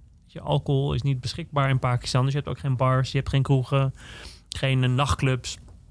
Ehm, ja, jongens en meisjes kunnen Dus niet zomaar. je, dus wat doe je in het weekend? Je gaat naar een Ja, trouwerij. ja. Maar, eh, zelfs als je... Er wordt ook wel gedate nu, maar ja, je gaat niet zomaar bij je, bij je vriend of vriendin thuis op bezoek. Want dan zit die hele familie ook op de bank. Dus trouwerijen zijn, zijn de, de plekken waar mensen enigszins vrij kunnen bewegen. Waar ook geflirt kan worden. Waar inderdaad jongens ook kijken naar meisjes, meisjes naar jongens. Of weet je wel, of dat de moeder de dochter aanport. Van nou, is die niet wat voor jou? Dus, dus dat maakt het ook heel gezellig. Alleen, het, ja, het is de hele tijd. Eh, mijn familieleden daar, die hebben gewoon wekelijks wel een trouwonderdeel waar ze naartoe gaan. Wauw. Ja. Ehm, en ehm, ja, een, een Pakistaanse trouwerij bestaat ook uit meerdere dagen. En soms is dat allemaal achter elkaar. Of wordt het over een aantal weken uitgespreid. Ook afhankelijk van de middelen die ervoor beschikbaar zijn. Dus eh, ja, dat is een eh, ja, de trouwfabriek. ja. Ja. Dat laatste moet dan wel voor jou en jouw vriend inspirerend zijn, of niet? Als je een groot feest wil. Dat je het ook over meerdere dagen kan uitsmeren, meerdere weken. Ja, nou ja, dat, eh, dat kost ook weer allemaal heel veel geld. En dat wil ik er dan weer niet aan uitgeven. Dus ik, ik denk dat het een vrij bescheiden toestand wordt. Vergeleken met Pakistaanse trouwerij in ieder geval. Ja. Zou je het belangrijk vinden dat je vader naar die eh bruiloft van jullie komt? Ja, ik zou het natuurlijk... Ja, nou, nou, belangrijk... Ik ga er al van uit dat hij dat denk ik niet wil. Omdat hij toch nog steeds moeite heeft met mijn geaardheid... en het feit dat ik door het leven ga met een man. Eh, maar ik zal hem zeker uitnodigen en zijn vrouw en uiteindelijk mijn broertje ook. Eh, en ik hoop natuurlijk dat ze dan in ieder geval willen komen. Ja.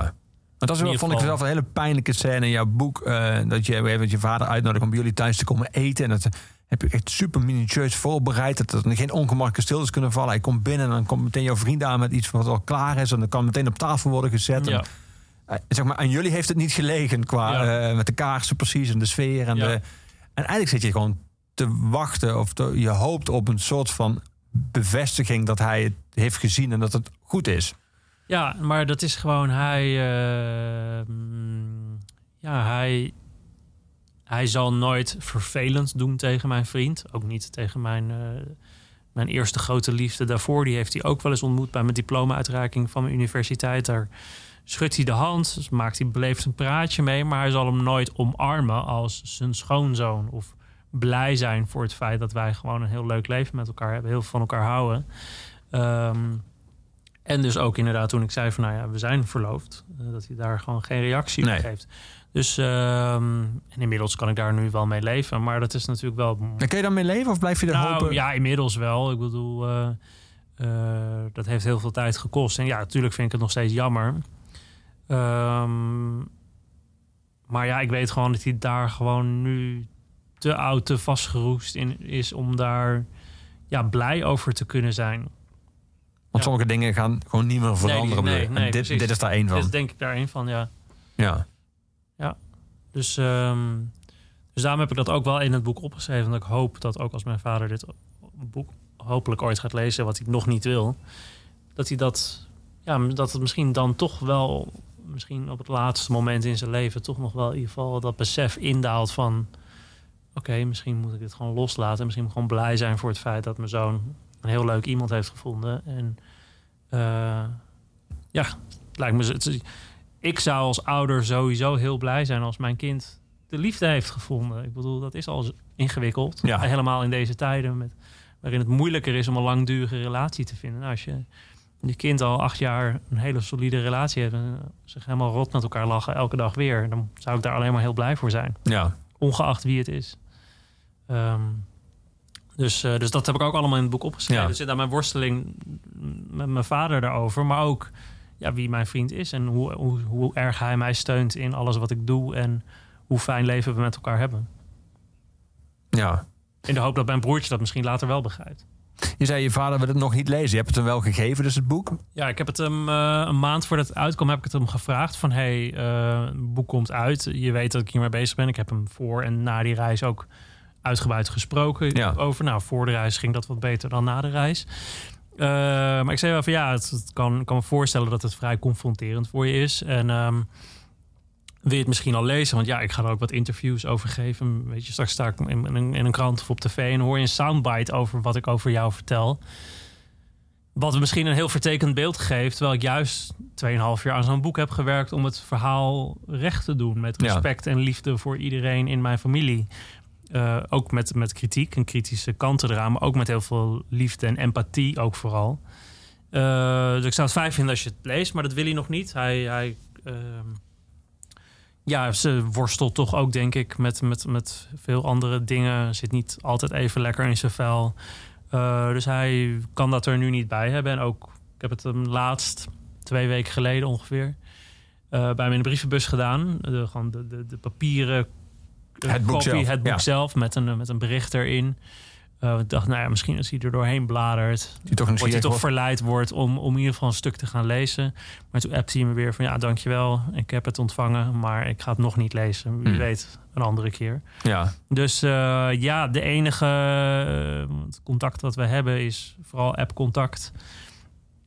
Maar ja, de wens, als ik een wens heb, eh, is het niet per se van kom nou naar mijn trouwerij. Dat vind ik minder belangrijk dan dat hij in ieder geval, ja, even heel bot gezegd, voordat hij later overlijdt, het boek gelezen heeft. Dat hij in ieder geval weet dat zijn zoon ook nu eh, eh, heel veel waarde hecht juist aan zijn achtergrond. En ook het geloof wat hij heeft meegekregen. En alle lessen die hij daar toch ook wel uit heeft geleerd. Ook een bepaalde warmte en een bepaald respect voor familie en, en, en de wijze ouderen. Dat, dat komt toch allemaal uit, uit die kant toch wel voort.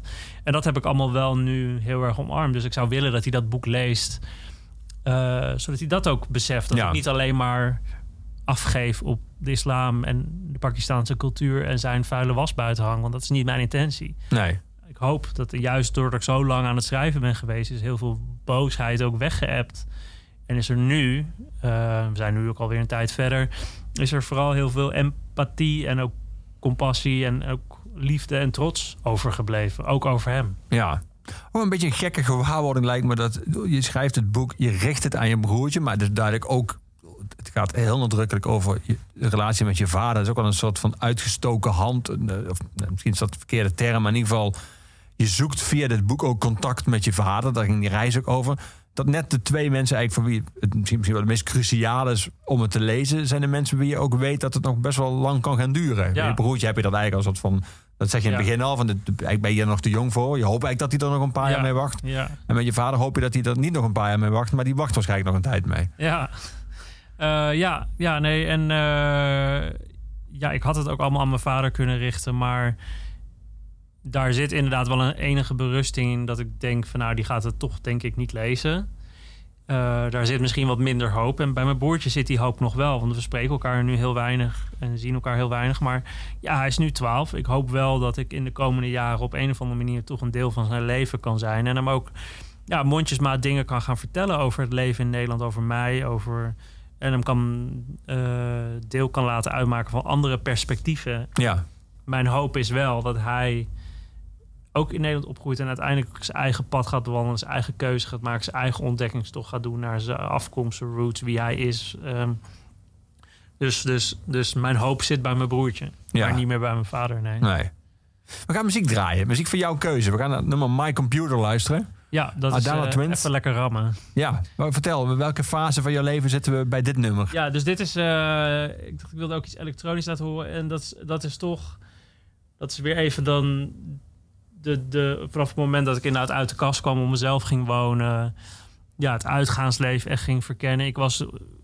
Ik had ook een half jaar in Canada gestudeerd. En in dat half jaar had ik mezelf een beetje losgekoppeld van mijn familie. En toen ik terugkwam, was ik eh, ja, behoorlijk wat kilootjes lichter. Ook misschien wat, wat lasten en zorgen lichter ben toen uit de kast gekomen bij mijn vrienden. En, en toen eh, ging ik uit. En toen kwam ik eigenlijk voor het eerst in aanraking met elektronische muziek. En eh, niet dat ik nou een heel erg heftige. eh, nou, ik heb wel van allerlei, met allerlei soorten drugs geëxperimenteerd. Maar mijn eerste ecstasy-pilletje nam ik toen ik 25 was. Dus wat dat betreft een laadbloeier. Maar dat heeft...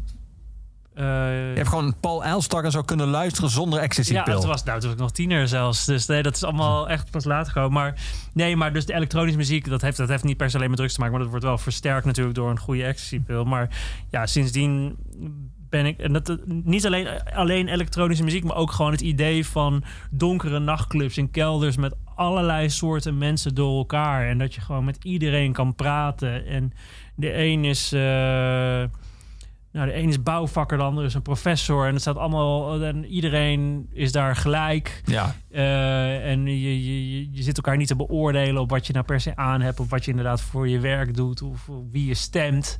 Ehm, en daar is denk ik wel heel veel in mijn hoofd open gegaan. En maakt het ook nu dat ik gewoon dat ook verschrikkelijk mis. Nu Ik al, zeggen, zeg je eh, dit- ja, als je dit allemaal beschrijft, beschrijf je dit met een huilend corona-hart ook ja, niet? Van- Ja, ik vind het echt heel moeilijk. Eh, eh, al mijn vrienden zijn toch vooral homo's en vrijgezelle vrouwen... die ook allemaal wel van uitgaan houden en een goed feestje op zijn tijd. Maar ja, het is echt, eh, dat, was, dat is echt mijn, de laatste tien jaar mijn uitlaatklep geweest. Als je vraagt van, wat zijn je hobby's? Ja, nee, dat klinkt heel stom. Nee, maar dat is uitgaan, weet je. Ja, ik hou Ja. ook van sporten en, en yoga en dat soort dingen. Allemaal dingen om, om ook even stress kwijt te raken. Maar niks geeft me meer plezier dan in een... eh, goede club te staan met gewoon keiharde, goede elektronische muziek. Al dan niet het ene andere geestverruimend middeltje of zo, maar vooral met ja, een hele waaier aan mensen en daar gewoon uren dansen, Ja. praten, lachen en dan wil ik ook nooit stoppen. Dan kan ik, eh, kan ik inderdaad gewoon 24 uur doorgaan. Wat is dan nu je, die, die uitlaatclip? Ja, die is er niet. Dus ik vind het echt, eh, ik vind het echt heel moeilijk. De muren komen echt best wel vaak om af. En dan denk ik, ja, dan zit je zei ik van, ja, maar je woont toch in Nederland, je hebt het hartstikke goed. Ja, is ook zo. En we doen het hier, denk ik, we doen het hier niet beter qua cijfers. Maar ik bedoel, ik vind wel dat we redelijk eh, slim beleid hebben. Waarin we steeds kijken van nou iets meer, iets minder. Maar op zich zit er wel een enige logica achter. Dus daar kan ik weinig op aanmerken. Ik snap ook wel dat de clubs nu dicht zijn. Dat dat, ik zal ook niet naar een illegaal feest gaan. Ik bedoel, ik nodig een paar vrienden bij me thuis. Maar ik, eh, ik ga niet eh, allemaal raves bezoeken nu. Dat vind ik echt ook ontzettend stom. Maar ik mis Maar het wel verschrikkelijk. Ja, Ja. tuurlijk. Want dat is gewoon waar ik heel veel energie uithaalde. En dit is gewoon... eh, oh ja, wat, ik nog even... Dit is gewoon... Ja, dat is stom... Maar, maar dit is het laatste feest waar ik eigenlijk was. Was op een heel raar huisfeest waar ik belandde in Kaapstad, waar ik toen was. En toen... eh ja, met allemaal hele rare mensen. En ik weet ook niet meer hoe ik er terecht ben gekomen. Maar daar werd dit nummer gedraaid. En daar ging ik toen helemaal uit, uit mijn plaat op. Dus dit staat een beetje symbool voor de laatste leuke uitgaansavond die ik heb gehad. Zeven Damn. maanden geleden. Ik gewoon tot 10 seconden geleden wou ik zeggen, zal, zal ik hem extra hard zetten? Nu zou ik bijna vragen, zal ik even tissues voor je halen of niet? nou, misschien allebei gewoon. Ja. My Computer, Adana Twins.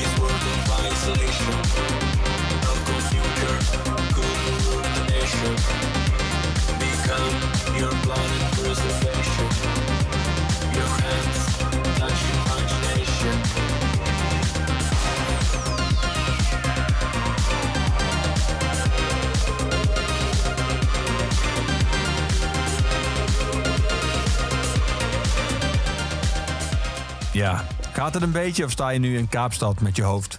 Was er wel eventjes, inderdaad. Het was een goed feest dus wel, dat laatste zeker, feest. zeker. Ja. Je houdt van lange nummers, hè? Ja, daar had ik niet van tevoren heel goed over nagedacht dat het allemaal hele lange nummers zijn. Maar je mag ze lekker afzetten wanneer je wil. Laten we lekker op de achtergrond doorgaan. Ehm, je zei het al, er zit ook seks, drugs en rock'n'roll in het boek. Eh, dat, seks zit ook onder meer en het, eh, zeg maar, in seksuele aantrekkingskracht. eh, zeg maar, hoe, hoe daten werkt. Ehm, je schrijft op een gegeven moment, eh, als je het hebt over onder meer eh Grindr... dat, eh, dat het in, in alle landen in de wereld wordt gebruikt. Zelfs in seksueel onderdrukte landen als Pakistan. Ik vind het vanuit antropologisch oogpunt interessant om te zien hoe homo's zich in ieder land presenteren en welke seksuele voorkeuren of afknappers ze aangeven. In het Westen schrijven mannen bijvoorbeeld vaak dat ze niet op Aziatische of zwarte mannen vallen. Wat ik racistisch vind, maar daar denkt iedereen anders over. Waarom vind je dat racistisch? Ik, Nou- ik, ik ken vrouwen die vallen niet op kale mannen en dan heb ik gewoon pech.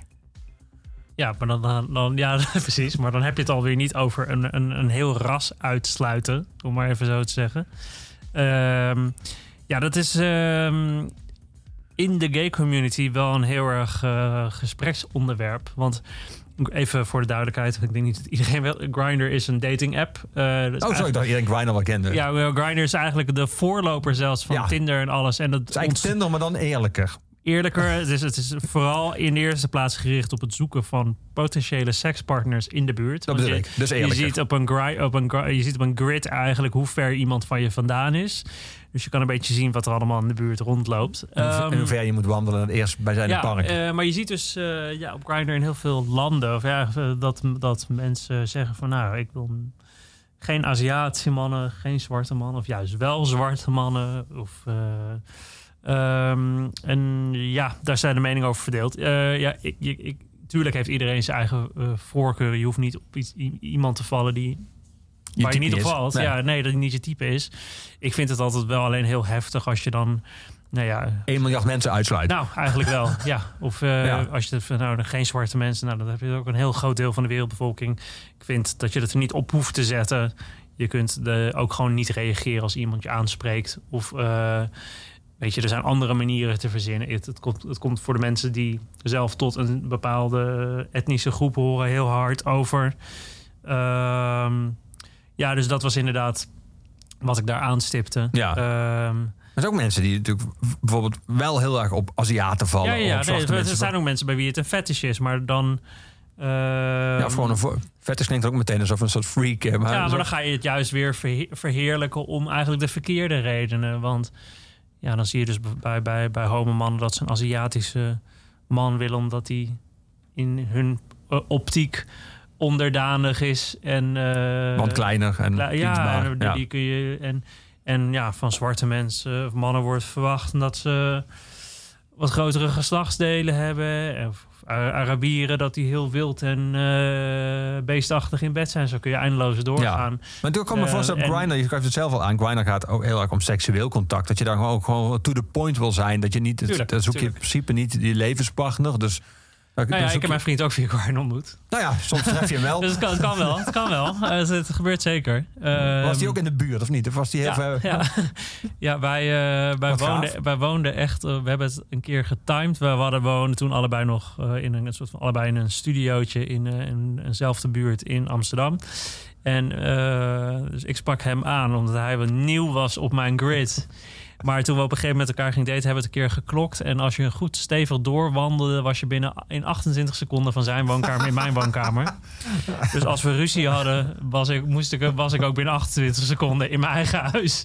Eh, nee, dus dat is ook. eh, Dus, en en ehm, ja, dus even over wat mensen wel of niet op hun profiel zetten. Grindr is wel een hele leuke manier om in welk land ter wereld dan ook, als je geïnteresseerd bent in de lokale gay cultuur, om te bestuderen hoe dat op die app eraan toe gaat. En het is een makkelijke manier om, om, om, om mensen te ontmoeten. Ja, en het is natuurlijk ook grappig om te zien, zoals je zelf al schrijft, antropologisch gezien, om hoe Ja. mensen zichzelf presenteren, wat voor teksten gebruiken. wat, ja, hoe- dus dat, dat beschrijf ik ook in het boek. Dat de, je, ja, de, de, de, gay cult, de gay cultuur is om heel veel redenen interessant om een beetje te bestuderen. Maar je hebt ook toch vaak tussen twee mannen. ehm, ja, krijg je dus ook een beetje de, de vraag van wie is wat dominanter, wie is wat onderdaniger. En je ziet dat vaak in, in ehm, een beetje meer macho-culturen. Dus waar mannen sowieso meer de baas zijn. Dat ook de homo-mannen daar graag de baas willen zijn. Dus dat zij allemaal pretenderen de, even hoe ga ik dit netjes zeggen, de actieve partner te zijn Niet de in, bottom, in, seks. Ja, Ja. precies. De, de top, maar niet de bottom. Eh, want inderdaad, als je ja, de ontvangende partij bent, ben je feminiener, femininer. En, en dus daar wordt op neergekeken in die landen. Want man goed, vrouw slecht. Dus dan ook als je als man vrouwelijk gedraagt, dan ben je slecht. Ehm, en dat zag je in Pakistan ook heel erg. Dat iedereen zich heel stoer en hartstikke mannelijk presenteert. En vooral niet... Weet je, ja, dan vallen ze wel op mannen, maar ze willen niet verwijfd zijn. En eh, Ook wel echt interessant, want het zijn eigenlijk Super, enorme ja, hetero mannen clichés, maar die gaan dan gewoon Ja. door in de gay community. Ja, en je ziet ook gewoon in Pakistan is het gewoon, ja, kun je gewoon niet openly gay zijn. Tenzij je heel rijk bent of een hele hoge status hebt en je door de politie met rust gelaten wordt. Maar ja, als je wordt betrapt door de politie daar op, op, op, nou ja, op seks in een auto, noem maar wat, of op een feestje met andere homo's. Ja, dan kun je enorm in problemen komen. Dus het gaat allemaal in het stiekem. Dus je ziet ook gewoon dat heel veel jongens, jonge mannen daar eh, ja, toch trouwen met een meisje, zelfs een gezin stichten voor de familie-eer. eh, maar ondertussen wel doorgaan met het afspreken met jongens. eh, het bezoeken van geheime feestjes, die ik ook heb bezocht in mijn boek. Ja. Ehm, ja, en dat is toch wel lastig. Want het is natuurlijk niet eerlijk naar zijn meisje toe. los van alle problemen die, die je haar kan aandoen op het gebied van SOA's en dat soort dingen. ja. Dus, ehm, maar ja, dat is een beetje noodgedwongen, omdat ze gewoon niet zichzelf kunnen zijn in die landen. En dan hebben we het ook niet eens over lesbiennes, want die bestaan niet in Pakistan. Want dan moet je erkennen dat een vrouw seksuele behoeftes heeft of ook heel leuk seks kan hebben waar geen man voor nodig is. Nou, zo'n macho cultuur als Pakistan gaat dat er niet in. Nee. We gaan muziek draaien. We gaan naar eh eh Atif Aslam luisteren. Oh ja, ja, dat is een heel gek bruggetje van de gay seks naar dit. Maar Het is wel een typisch Haron nummer. Het duurt namelijk 10 minuten 17. ja, we gaan hoeven hem niet Het is helemaal eigenlijk te een simful rocker aan jou voor, voorbij Ja. verloren gegaan eigenlijk. Ja, nou, dit nummer is wel. ehm, is eigenlijk. ehm, het is een, een, een cover eigenlijk van een soort van populaire zanger. Die heeft een klassiek Kawali-nummer gecoverd. En Kawali is een soort van beetje Soefi-achtige, religieuze, opzwepende muziek. Ehm, ehm, die ook buiten Pakistan, eh, ook in het Westen, wel eens wel populair is geweest.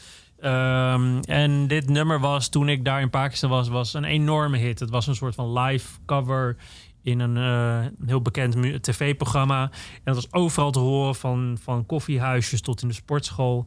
En eh, dit, op de la, een van de laatste, de laatste dag in Pakistan eigenlijk, toen ging ik met mijn familie in Karachi, gingen we allemaal dingen sightseeën. We gingen met elkaar lunchen en toen zaten we met z'n achter in een auto gepropt terug naar het huis. Toen was dit nummer op de radio. Ehm, In de auto hoorde in de auto. En toen begon eerst mijn neef mee te zingen achter het stuur. En toen mijn tante achter. Dat had iets heel zoetsappigs. Maar ik had daarvoor had ik wat Engelstalige muziek op de radio. Met mijn Spotify opgezet voor mijn jongere achterneefjes en nichtjes in de auto.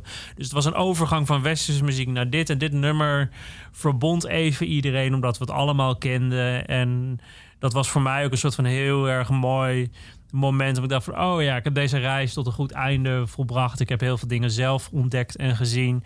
Maar ik ben ook weer echt wel weer ja, omarmd door mijn familie. Maar het is gewoon, En, het is eh, gewoon is dit, als dit een film was geweest, is dit dan de aftitelmuziek? Je zit Ja. in die auto en dit Ja. nummer klinkt en de titels komen zo rollen. Ja, ja, ja, nee, zeker. Dus, eh, dus, eh, dus dat beschrijf ik ook inderdaad in het boek over hoe dat, hoe dat voelt. Dat je Ja. toch ja, een soort van closure krijgt van zo'n reis die twee maanden duurt, ongelooflijk intensief is geweest, waar je van alles hebt meegemaakt.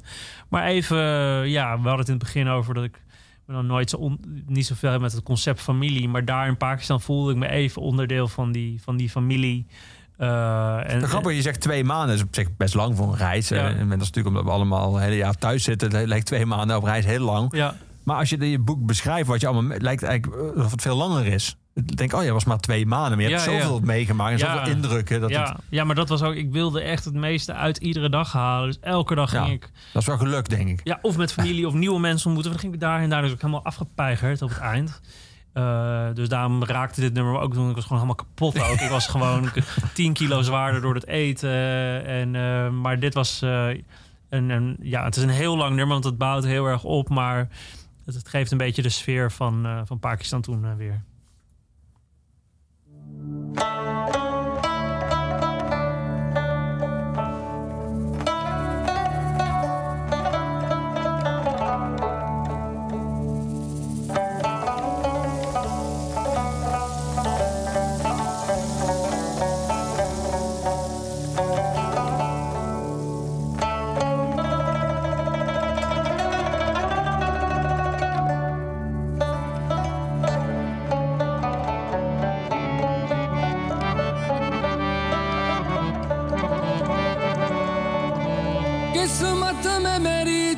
चैन से जीना लिख दे। डूबे न कभी मेरा सफीना लिख दे। जन्नत भी गवारा है मगर मेरे लिए।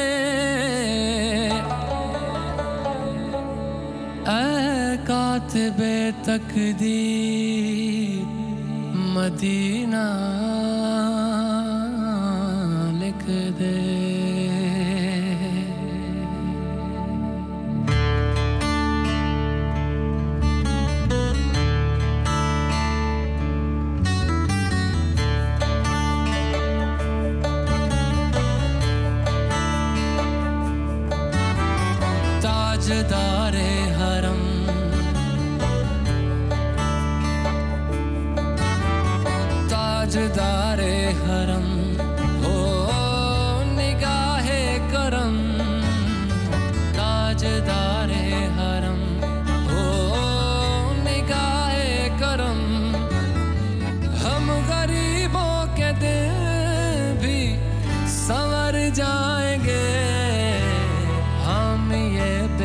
बेकसा क्या कहेगा जहाँ हम ये बेकसा?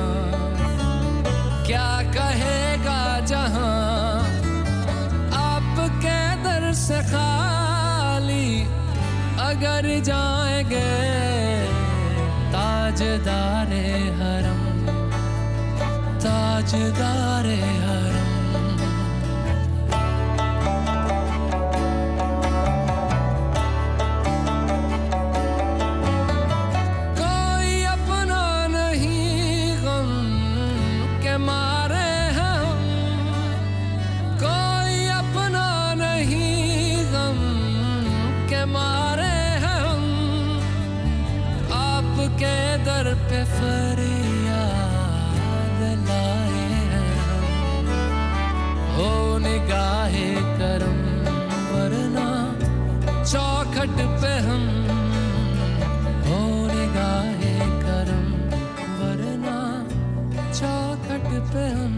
Ja, net zat je nog in dat, dat grote feest in Kaapstad. Nu zat je in die auto met familieleden. Ja, ja. Het, het, het, het gaat heel, heel langzaam bouwt dit nummer op. En het wordt steeds meer trommels erbij. Het wordt helemaal zingend eh, vreugde. Eh, ja, mooi nummer. Ja, je deed allemaal mee in die auto. Zeker. Trommelde op het dak. Heb je een goed gevoel over jouw eh, dialoog, of debat was het eigenlijk, met eh, rapper en televisiepersoonlijkheid Ali B? Jullie hadden een vrij uitgesproken polemiek in de Volkskrant enkele weken geleden. eh, Omdat Ali vond dat hij het recht had om het woord flikker te gebruiken. Want daar bedoelde hij niks verkeerds mee. En jij legde hem uit dat dat woord hele pijnlijke herinneringen, associaties en gevoelens oproept. Was interessant voor een buitenstaander als ik, gewoon de lezer van de Volkskrant, eh, die jullie allebei kent. eh, zeg maar als publiek persoon eh, was dat heel interessant om zo'n op één onderwerp gewoon twee mensen zo lang van gedachten te Ja. zien wisselen. Maar voelde dat voor jou ook zo? Heb je het gevoel dat je het kunnen vertellen wat je vertelde en dat het ook de impact had die je had gehoopt? Ja, nou, het was wel ook een soort van goed lesje eigenlijk over hoe ehm, dingen in de media komen dan compleet helemaal een eigen leven gaan leiden of zo. Want hij had dat, hij had gezegd van in een interview. van, Ja, nou, in het ik- blad van Chantal Jans. Ja, Ja. in, een, in, in NC, het blad van Chantal Jans, had hij gezegd van nou, ik noem soms, soms eh, vrienden van mij in Hilversum, eh, homo's noem ik flikker. En zij mogen me kut Marokkaan noemen. Ehm, en toen ehm, schreef ik daar een tv-column over. Van, nou ja, is dat nou nodig? Weet je wel. En je, je weet eigenlijk niet wat dat woord flikker nou eigenlijk betekent voor heel veel homo's die opgroeien in wijken waar, waar, ook waar, waar dat woord vaak wordt gebruikt. Ook door Marokkaanse en Turkse, vooral door Marokkaanse en Turkse jongeren. In, was mijn ervaring althans. En dat dat voor heel veel ook jongeren, jongens nu, vooral jongens, nog steeds heel moeilijk maakt om uit de kast te komen Ja. op school. Omdat gewoon het woord flikker wordt eh, on- gebruikt om jongens, tienerjongens, van hun mannelijkheid te ontdoen. Dus dat maakte ik weer duidelijk in een column. Nou, hij reageerde daar weer op in een talkshow Jinek. Dus toen, dat leidde uit van, nou, laten we eens een keer met elkaar gaan praten. En dat heb ik helemaal uitgeschreven in een, eh, ja, niet eens een interview, maar echt een gesprek tussen ons. Waarin Ja. die, Want jij nam het op, maar hij nam het ook op. ja, dus hij. eh, dus ik wilde hem eigenlijk duidelijk maken van ja, je moet als, als publiek persoon kun je, zou je wat beter moeten nadenken over de, het effect van jouw woorden en de kracht van woorden en hoe ja, wat jij zegt ook weer, weer door anderen overgenomen kan worden. En hij kwam heel erg op van ja, maar ik moet gewoon kunnen zeggen wat ik wil. Die vrijheid van meningsuiting. Ehm, en daar ging het eigenlijk over. Ja. En dat, dat, eh, dus, dus het was een week lang was dat, hield dat mensen heel erg bezig. Ook daar stond ik zelf heel erg van te kijken. Dat mensen ook echt. eh, dus, dus inderdaad, naar die opmerkingen. Daarna die, die column werd heel veel gelezen. en Daarna dat interview ook heel veel gelezen. Ehm, maar ik vond het wel heel goed om met hem daar. We hebben er echt een uur echt over zitten praten. En dat was eigenlijk een heel constructief gesprek, vind ik. Vond ik in ieder geval. Ehm, en ik denk dat mensen dat ook wel vaker zouden mogen doen. We proberen bij de Volkskrant in ieder geval. Gewoon om andersdenkenden gewoon wat meer tijd en ruimte te nemen om even van gedachten te wisselen. Ja. Dat is in deze gepolariseerde tijden steeds moeilijker. Ehm, ja, dus dat is een beetje het gesprek wat wij hadden. Ja. Is dat flikker, is dat een, eh, ook een, een gemener woord, vind je? Het was het in Brabant, dat was ook in het, vooral in de tijd van New Kids, was homo. En dan voor- vooral met zo lang mogelijke O, homo. Ja. Dat was een soort van... En zo heet ook iedereen. Vooral in het zuiden van Nederland Ja. werd dat heel erg... eh, is, Ja. dat, is, is dat even kwaadaardig, vind je? Of is dat, heeft dat toch net andere associaties? Ja, ik vind, dan vind ik eigenlijk dat misschien nog wel vervelender eh, dan Flikker. Ehm, het, is, het, is al, ik vind het al belachelijk dat een seksuele geaardheid al een scheldwoord op zich is. Maar toch, eh, ja, het, het is toch lastig uit te leggen. Want kijk, middelbare schooltijd is sowieso al een hele kwetsbare tijd... waarin je heel erg bezig bent met aardig gevonden worden, leuk gevonden worden. Vooral niet buitengesloten worden of... eh, Weet je, dat je ehm, singled out wordt door je klasgenoten om, om opgewacht te worden naar school of in elkaar gemapt te worden. Eh, dus je bent eigenlijk de hele dag al je soort van aan het manoeuvreren door, tussen al die klote kinderen. Eh probeert gewoon die dag door te komen. En als, Ja. je, en als jij in de kast zit, is, heb je een hele extra identiteit die je eigenlijk moet beschermen. Ehm, dus als je dan door zo'n school loopt, door zo'n schoolhal met honderden kinderen, hoeft iemand ergens homo te roepen, en dan denk je dat het over jou gaat. En dat is die zelfbewustheid die, die je enorm hebt. En dat geldt denk ik voor elke eh, gay of ook trans tiener in, Ja. in het land nog steeds. Dus, eh, dus ja, ik ben ook ik ben een journalist en ook als een ik ben voor een, ik vecht voor de vrijheid van meningsuiting. Je moet alles kunnen zeggen wat je wil zeggen. Ik zal nooit tegen iemand zeggen je mag niks zeggen. Als Ali B. Flikker wil blijven zeggen, moet hij dat doen. Alleen, ik wil mensen wel bewust van maken dat bepaalde woorden eh, wel degelijk impact hebben op heel veel mensen. En, eh, en dan vind ik kwetsend is weer zo'n zo'n vervelend woord. Dat, dat, dat, dat gaan bij mij de haren ook recht overeind staan. Eh, maar het is wel helemaal als je publiek figuur bent, vind ik wel dat je daarover na moet denken. En ja, ik vind het wel echt erg dat gewoon het woord homo nog steeds een scheldwoord is. Eh, ja, weet je, eh, eh, wij kunnen er niks aan doen dat we zo zijn. En ja, wij moeten er ook maar mee dealen. Ja. En je helpt het niet. Je maakt het niet makkelijker door. ehm, en ook dat, dat probeerde ik ook in dat gesprek toen duidelijk te maken. En dat probeer ik ook als andere mensen nu schelden met homo, flikker. Denk ik van ja, je mag het zeggen, maar is het nodig? Weet je wel, je, je kunt elkaar voor zoveel dingen uitschelden. En zijn die Zoveel woorden- leukere scheldwoorden. nou, dat ook, inderdaad. Maar zijn die woorden nou nog nodig om... om eh, ja, weet je... Het, het is eigenlijk geen enkele context in te verzinnen... waarin het uitschelden van iemand met homo flikker grappig is of zo. Zo, ik bedoel, ik heb echt wel een dikke huid. Ik kan het wel hebben, maar... Het is gewoon nooit leuk. Nee. Wat is jouw favoriete scheldwoord? Ja, eh ja, dan komen we weer op iets heel anders. Eh, ja, ik zeg wel heel veel vak natuurlijk, maar... Ja, Wie kan daar dan ook beledigd zijn? Niemand toch? Ja, nou, dat, dat zei Ali- Ali, B- ook te get. Die zei van, ja, je scheldt je met godverdomme. Ja, ja, zeker. Ja, dat kunnen mensen die geloof zijn weer heel Ja. erg vinden. En ja, ik scheld eerlijk zijn gezegd... validistisch natuurlijk. Heel veel scheldwoorden. eh, de, de ziekte K scheld ik ook dat als ik mijn voet stoot, dat eerst uit mijn mond komt. Ja, dat weet ik ook dat heel veel mensen dat niet fijn vinden. Dus het is ook allemaal niet zo zwart-wit. nee. Ehm, maar goed om er wel in ieder geval een keer over te praten, toch? Ja, zeker. Hey, beviel het, Aaron? Dit was namelijk je eerste boek. Je Ja. hebt heel veel al geschreven voor heel veel bladen en eh, kranten, maar dit is je eerste boek. Ja. Je gaf al aan, je hebt er lang over gedaan, ook al op gezwoegd op het eind. Maar is het nu het er ligt in zijn volle glorie, is- heeft het je zo goed gesmaakt dat je ooit wel een tweede boek wil schrijven? Ja, ja, ja zeker. Ja, ik, eh, ik heb ook wel een idee voor een tweede boek. En dat wordt wel echt iets heel anders dan dit. Ik heb, eh, dat is ook een beetje, ik, ik heb dit verhaal van, van wie ik ben en mijn familie. Dat wilde ik één keer heel goed, in ieder geval voor mijn gevoel, goed doen. Op de best mogelijke manier die ik in me heb. In ieder geval op dit moment in mijn leven.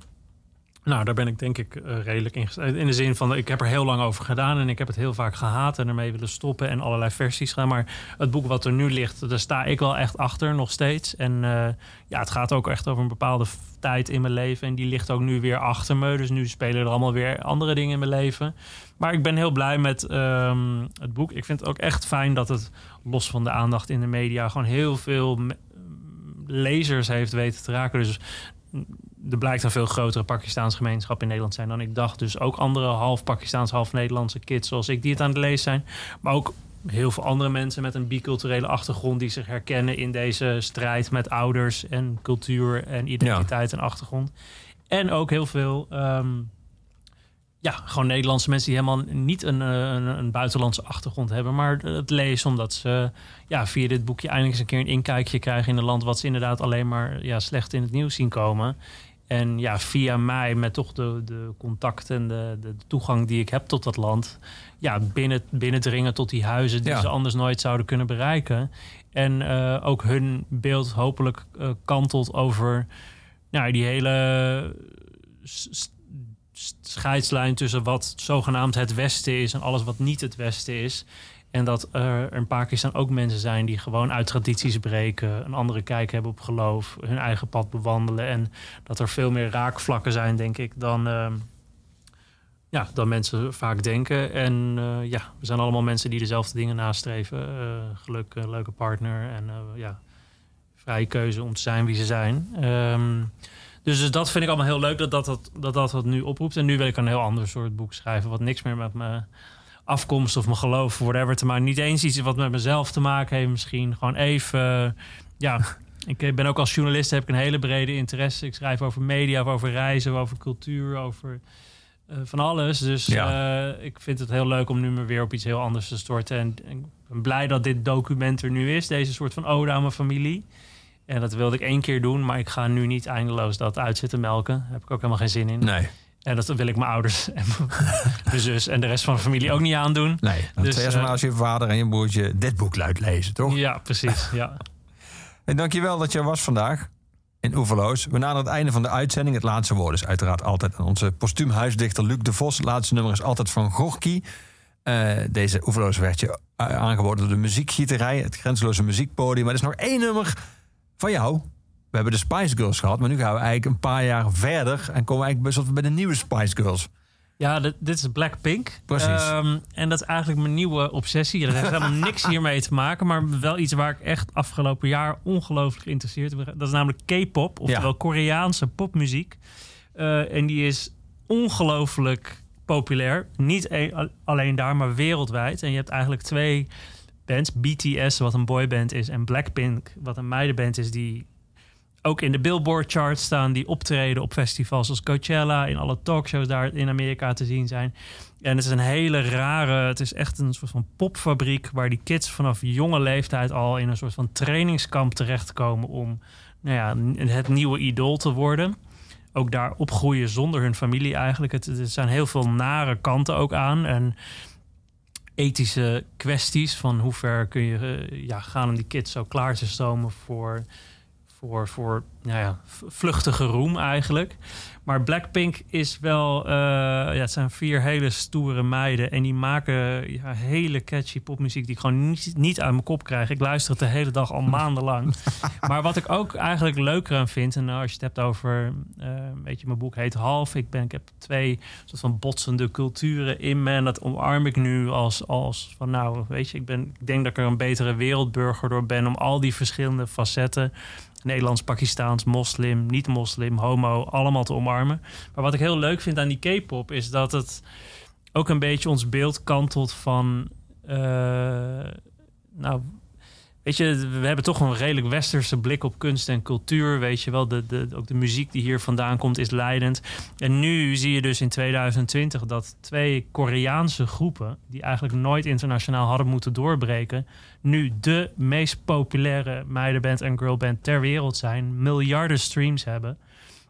En dus je ziet ook wel dat er wereldwijd, mondiaal, allerlei veranderingen gaan zijn, gaande zijn over ja, wat ons wereldbeeld nou eigenlijk is. Dus, dus Europa is niet meer zo leidend als we graag misschien nog willen denken. Ehm, en heel veel mensen vinden dat heel eng.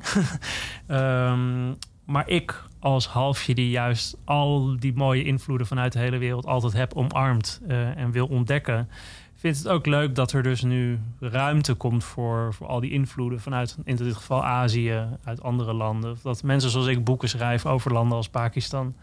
Eh, ik denk dat we daar uiteindelijk betere mensen van worden door ons daar in ieder geval een beetje in te verdiepen. Heb je ze als live gezien? Nee, wel heel veel live dingetjes op YouTube. Maar eh, eh, ja, dat zijn hysterische shows met heel veel neon en hologrammen en dingen. En het is, ja, het, dat, is, dat is Azië. Hè. Dat loopt qua techniek heel erg op ons vooruit. Ehm, ja, het, het is Lijkt me interessant voor jou als Spice Girls fan om dit dan te zien. Misschien Nou lijkt ja, dat Spice Girls ik, ik zeg ook nu wel, ik probeer mijn vrienden dus nu te van overtuigen om ook naar K-pop te luisteren. Dat ze haten het allemaal. Ze vinden het allemaal verschrikkelijke muziek. Want elke 20 seconden hoor je weer wat anders. Het is een soort van kermis van popmuziek. Maar ik moet wel zeggen, eh, er is niet een meidengroep geweest sinds de Spice Girls waar ik zo geïn- geïntrigeerd echt door ben dan Blackpink. Dus dat wilde ik ook nog even laten horen. We gaan dan luisteren. En daarna Gorky. Uit het verre, verre Vlaanderen.